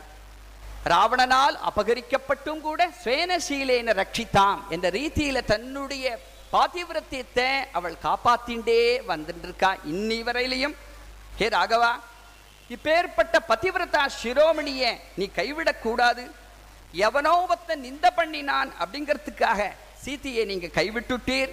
ராகவா உமக்கு தெரியாதா? இகழும் புகழும் இந்த உலகத்துல சகஜம். அதற்கு ஆனால் சீதையோ நிரபராதியானவள் இவள் ஜெகன் மாதா இவளை விட்டு தாயை இழந்த கன்றுகள் எப்படி கதருமோ அதுபோல் ஆயிரக்கணக்கான சாதுக்கள் சீதையை இழத்த இழந்து பிரிந்து தவிக்கிறார்கள். மேலும் ராமா குடும்ப விருத்தியம் தனதானிய விருத்தியம் ஸ்திரியஸ்ய முக்கியாக சுகமுத்தமம் சேனு நான் பலஸ்ருதி சொல்லியிருக்கேன். இந்த ராமாயணத்தை கேட்குறவா படிக்கிறவாளுக்கெல்லாம் குடும்பம் விருத்தியாகும்னு சொல்லியிருக்கேன் குடும்பம் க்ஷேமமா இருக்கணும்னு சொல்லியிருக்கேன். அப்பேற்பட்ட இந்த ராமாயணத்தை சவணம் பண்ணின முதல் குடும்பம் உன் குடும்பம். நீ க்ஷேமமா இருக்கும் ராமர் கேட்டார் ஏன் எனக்கு என்ன குறை? நான் ராஜாதிராஜனா இருக்கேன் க்ஷேமமா தானே இருக்கேன். இல்லை. உன்னை பிரிந்த இந்த சீதாதேவி கண்ணீரும் கம்பலையுமா இருக்கா? உன்னோட சேர்ந்து எப்பொழுது வாழப்போறோம் வாழப்போறோம்னு காத்துண்டு இருக்கா இந்த சீதாதேவி. கர்ப்பவதியான சீதாதேவி ராமா என்னுடைய ஆசிரமத்தில் லக்ஷ்மண சுவாமி மூலமாக அன்னைக்கு நீ கொண்டு விட்ட. அந்த தேவி இன்னிவரையிலையும் உன்னிடத்துல எள்ளலும் பக்தி பிசகாம உன்னையே பிரதீட்சை பண்ணிட்டு இருக்கா எனக்கு நீ வரன் கொடுக்கணும்னா வரம் பிரயச்சேதி. நீ சீத்தையும் இந்த குழந்தைகளையும் சேர்த்து வச்சுக்கோ என்று சொன்னோடனே மத்தஹம்ச ஸ்வரஸ்ரீமான் உவாச்ச புருஷஷபகா என்ற ரீதியில மதங்கொண்ட ஹம்சபக்ஷி போல குரல் உடைய ராமச்சந்திர பிரபு கைகுமிச்சுண்டு பேசினார். அனன்யாஹிமயா சீதா பாஸ்கரேண பிரபாயத்தாக. ஹே மகரிஷே சூரியனும் பிரபையும் எப்படி பிரிக்க முடியாதோ? அதுபோல நானும் சீத்தையும் அப்படி இருக்கோம். சுவாமி நீங்க ஒரு வார்த்தை சொன்னேள் ஏதோ ஒருவனுடைய திருப்திக்காக பல்லாயிரக்கணக்கான பேரை நீ சந்தோஷப்படுத்தின. ஏதோ ஒருத்தனருக்காக நீ சீதாதேவியை கைவிட்டு விட்டாயிரு அப்படின்னு நீ சொன்ன நீங்கள் சொன்னேள். ஆனா என்னுடைய அபிப்பிராயம் என்ன அப்படின்னா பலருடைய திருப்திக்காக ஒருவனை கூட அலட்சியம் பண்ணக்கூடாது அப்படிங்கிறது தான் என்னுடைய மதம். ஒரு ராஜாவானவன் இந்த விஷயத்துல சமபுத்தியோடு இருந்து தனது அரசாட்சியில இருக்கக்கூடிய ஒருவனுக்கு கூட சம்மதமாக வாழணும். ஆனால் சுவாமி பல்வேறு அபிப்பிராயங்களோடு இருக்கக்கூடிய மனித சமூகத்தினுடைய ஒற்றுமையை ஸ்தாபிக்கக்கூடிய ராஜ தர்மம் உண்மையிலேயே கடினமானது துஷ்கரமானது. முனிசிரேஷ்டரே நீங்க கேட்டுண்டேள் இந்த சீத்தையும் குழந்தைகளையும் ஏற்றுக்கணும்னு அவசியம் ஏத்துக்கிறேன். ஆனால் இவ்விஷயத்தில் சீதாதேவியானவள் இந்த சபையில தன்னுடைய சாரித்திரத்தை கற்ப மீண்டும் ஒருவரை நிரூபிக்கட்டும் என்று கணீர்னு சொன்னார். உடனே சீதாதேவி இதுவரையிலையும் தலகுனிஞ்சின்றிருந்த தேவி இப்பொழுது கமல முகத்தை அப்படி திருப்பி ராமர் அப்படி பார்த்தாளாம். ராமம் கட்டாட்சேண சிதேன வித்வா ஜகாத தைரியே தொபரேவ கார்கி இப்படி கட்டாட்சத்தினால ராமர் அடிக்கிறது போல பார்த்துட்டு கம்பீரமா கணீர்னு பேசினா கூடச தர்மசே சனாதனசே ஸ்ருதி பிரமாணம் ஸ்மிருதய பிரமாணம் சந்த பிரமாணம் ஹிருதயம் பிரமாணம் ஜாத்து லௌகீக ஜனஹா பிரமாணம் ஹே ராஜன்னு சனாதனமான தர்மத்திற்கு முதல் பிரமாணம் வேதம். அந்த வேதத்தை அனுசரிச்ச ஸ்மிருதிகள் அடுத்த பிரமாணம். அப்புறம் சந்த பிரமாணம் சாதுக்கள் பிரமாணம். எல்லாற்றுக்கும் மேல ஹிருதயம் பிரமாணம் ஹிருதயம் பிரமாணம் ஆனால் ஒரு காலம் லௌகீக ஜனங்கள் பிரமாணம் கிடையாது. லோகானுசாரேண ந தர்மமிச்சேத் தர்மானுசாரேண து லோகமிச்சேத்து தர்மே ச லோகே ததா விருத்தே தர்மம் பஜேத் லோகமதம் விசிறிஜே லோகத்தை அனுசரித்து தர்மத்தை கைவிடக்கூடாது। ஆனால் தர்மத்துக்கு ஏற்றபடி தான் லோகத்தை சிக்ஷிக்கணும்। சரி லோக மதமும் தர்ம மதமும் முரண்படுமாகில் இந்த விஷயத்துல லௌகீக மதத்தை விட்டுட்டு தர்மத்தையே அவலம்பிக்கணும். உலக சந்தோஷத்திற்காக நாதா குற்றமற்றவளான என்னை கைவிட்டுட்டு சொதர்மத்தை நீங்கள் மீறிட்டேள் என்னை காட்டுக்கு அமிச்சு. இந்த தியாகம் இந்த சீதா பரித்தியாகம் சாந்தோர்களான வசிஷ்டர் வாமதேவர் காஷ்யபர முதலியவர்களுக்கு சம்மதமானதுதானா அப்படின்னு முதலிலேயே நீங்க யோசித்து பார்த்திருக்க வேண்டும். சரி நடந்தது நடந்துடுத்து நீங்கள் என் கற்ப நிரூபிக்கணும்னு சொன்னேன். கண்டிப்பா நிரூபிப்பேன். ஏன்னா உங்களை எப்பொழுதும் அனுசரித்தவள் நான். ஆனால் இன்னைக்கு கற்ப நிரூபிச்சாலும் நாளைக்கு மீண்டும் ஒரு பத்து வருஷம் பதினஞ்சு வருஷம் மறுபடியும் ஜனங்கள் என்ன சொல்லுவா? நான் நம்ப மாட்டேன்னு வேற ஒருத்தன் கிளம்புவான். அப்ப மூன்றாவது முறையாக மறுபடியும் என்ன நிரூபிக்க சொல்லுவேளா? ஆனால் அப்ப இதுக்கு முடிவே இல்லாமல் போயிடும். இருந்தாலும் உங்கள் ஆகிய நான் மீறினதில்லை. இப்பொழுது நிரூபிக்கிறேன் என்று சொன்ன சீதாதேவி ரெண்டு கைகளையும் குவிச்சுண்டு ஹே பூமி தேவியே நான் மனம் வாக்கு காயம் முதலி திரிகரணங்களாலும் ராமச்சந்திர பிரபுவான என் நாதனே ஒரு காலம் நான் மீறினதில்லை அப்படிங்கிறது சத்தியமானால் இந்த பூமியிலிருந்தே ஒரு சிம்மாசனம் வரட்டும் ரத்தன கச்சிதமான சிம்மாசனம் வரட்டும் என்று சொல்ல அடுத்த க்ஷணம் பூமி வெடிச்சு அதுலேருந்து ரத்தன கச்சிதமான ஒரு சிம்மாசனம் வர அத அருந்ததி அனசூயா சாவித்ரி முதலிய தேவிகள் எல்லாம் அதை தாங்கிண்டு வராளாம். அதுல சீதாதேவியை அமரச் சொல்ல சீதாதேவியை அமர்ந்து கொண்டு அப்படி எல்லாருக்கும் அபயகஸ்தத்தோட எல்லாருக்கும் அபயம் கொடுக்க தேவதைகள் எல்லாம் புஷ்பமாறிய அந்த சீதாதேவி மேல அப்படியே பொழிஞ்சாளாம். ராமச்சந்திர பிரபுவே எழுந்து கொண்டு அப்படி நிற்கிறார். வால்மீகி பகவான் இங்க ஸ்ரீசுக்தத்தை ஆரம்பிக்க அவ்வளவு மகரிஷிகளும் ஸ்ரீசுக்தத்தை கோஷம் பண்ணினாளாம். அவ்வளவு ஜனங்களுடைய மத்தியில இங்க ஒரு ஆச்சரியம். சீதாதேவி பட்டுன்னு குஷன ராமருடைய மடியிலையும் லவன தன்மடியிலையும் ஏத்திண்டு அப்பேற்பட்ட பத்ரவேதி அப்படிங்கிற அந்த சிம்மாசனத்துல ராமருக்கு பக்கத்துல அன்னநட நடந்து சுவாதீனமா ராமருடைய திருத்தொடைக்கு பக்கத்துல வந்து உட்கார்ந்து நுட்டாளாம். அவ்வளவு ஜனங்களும் ஸ்ரீ சீதாராம பிரேம ஜுகழ் கீ கத்தினது போராது ஸ்ரீ சீதாராம பிரேம ஜுகல் கீ.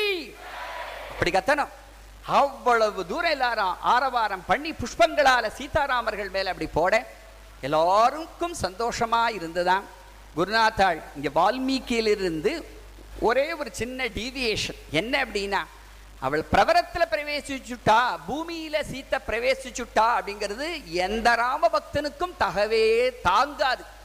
ஆனால் குருநாத்தாள் நமக்கெல்லாம் சந்தோஷமா இருக்கணும். அண்ணாக்கும் மன்னிக்கும் பிரிவுகள் கிடையவே கிடையாது. எத்தனை ஜென்மம் எடுத்தாலும் நமக்கு ராமண்ணா சீதாமன்னி. அப்படிதானே குருநாத்தாளும் நம்ம குரு மாதாவும் அப்படி அமைஞ்சிருக்கா?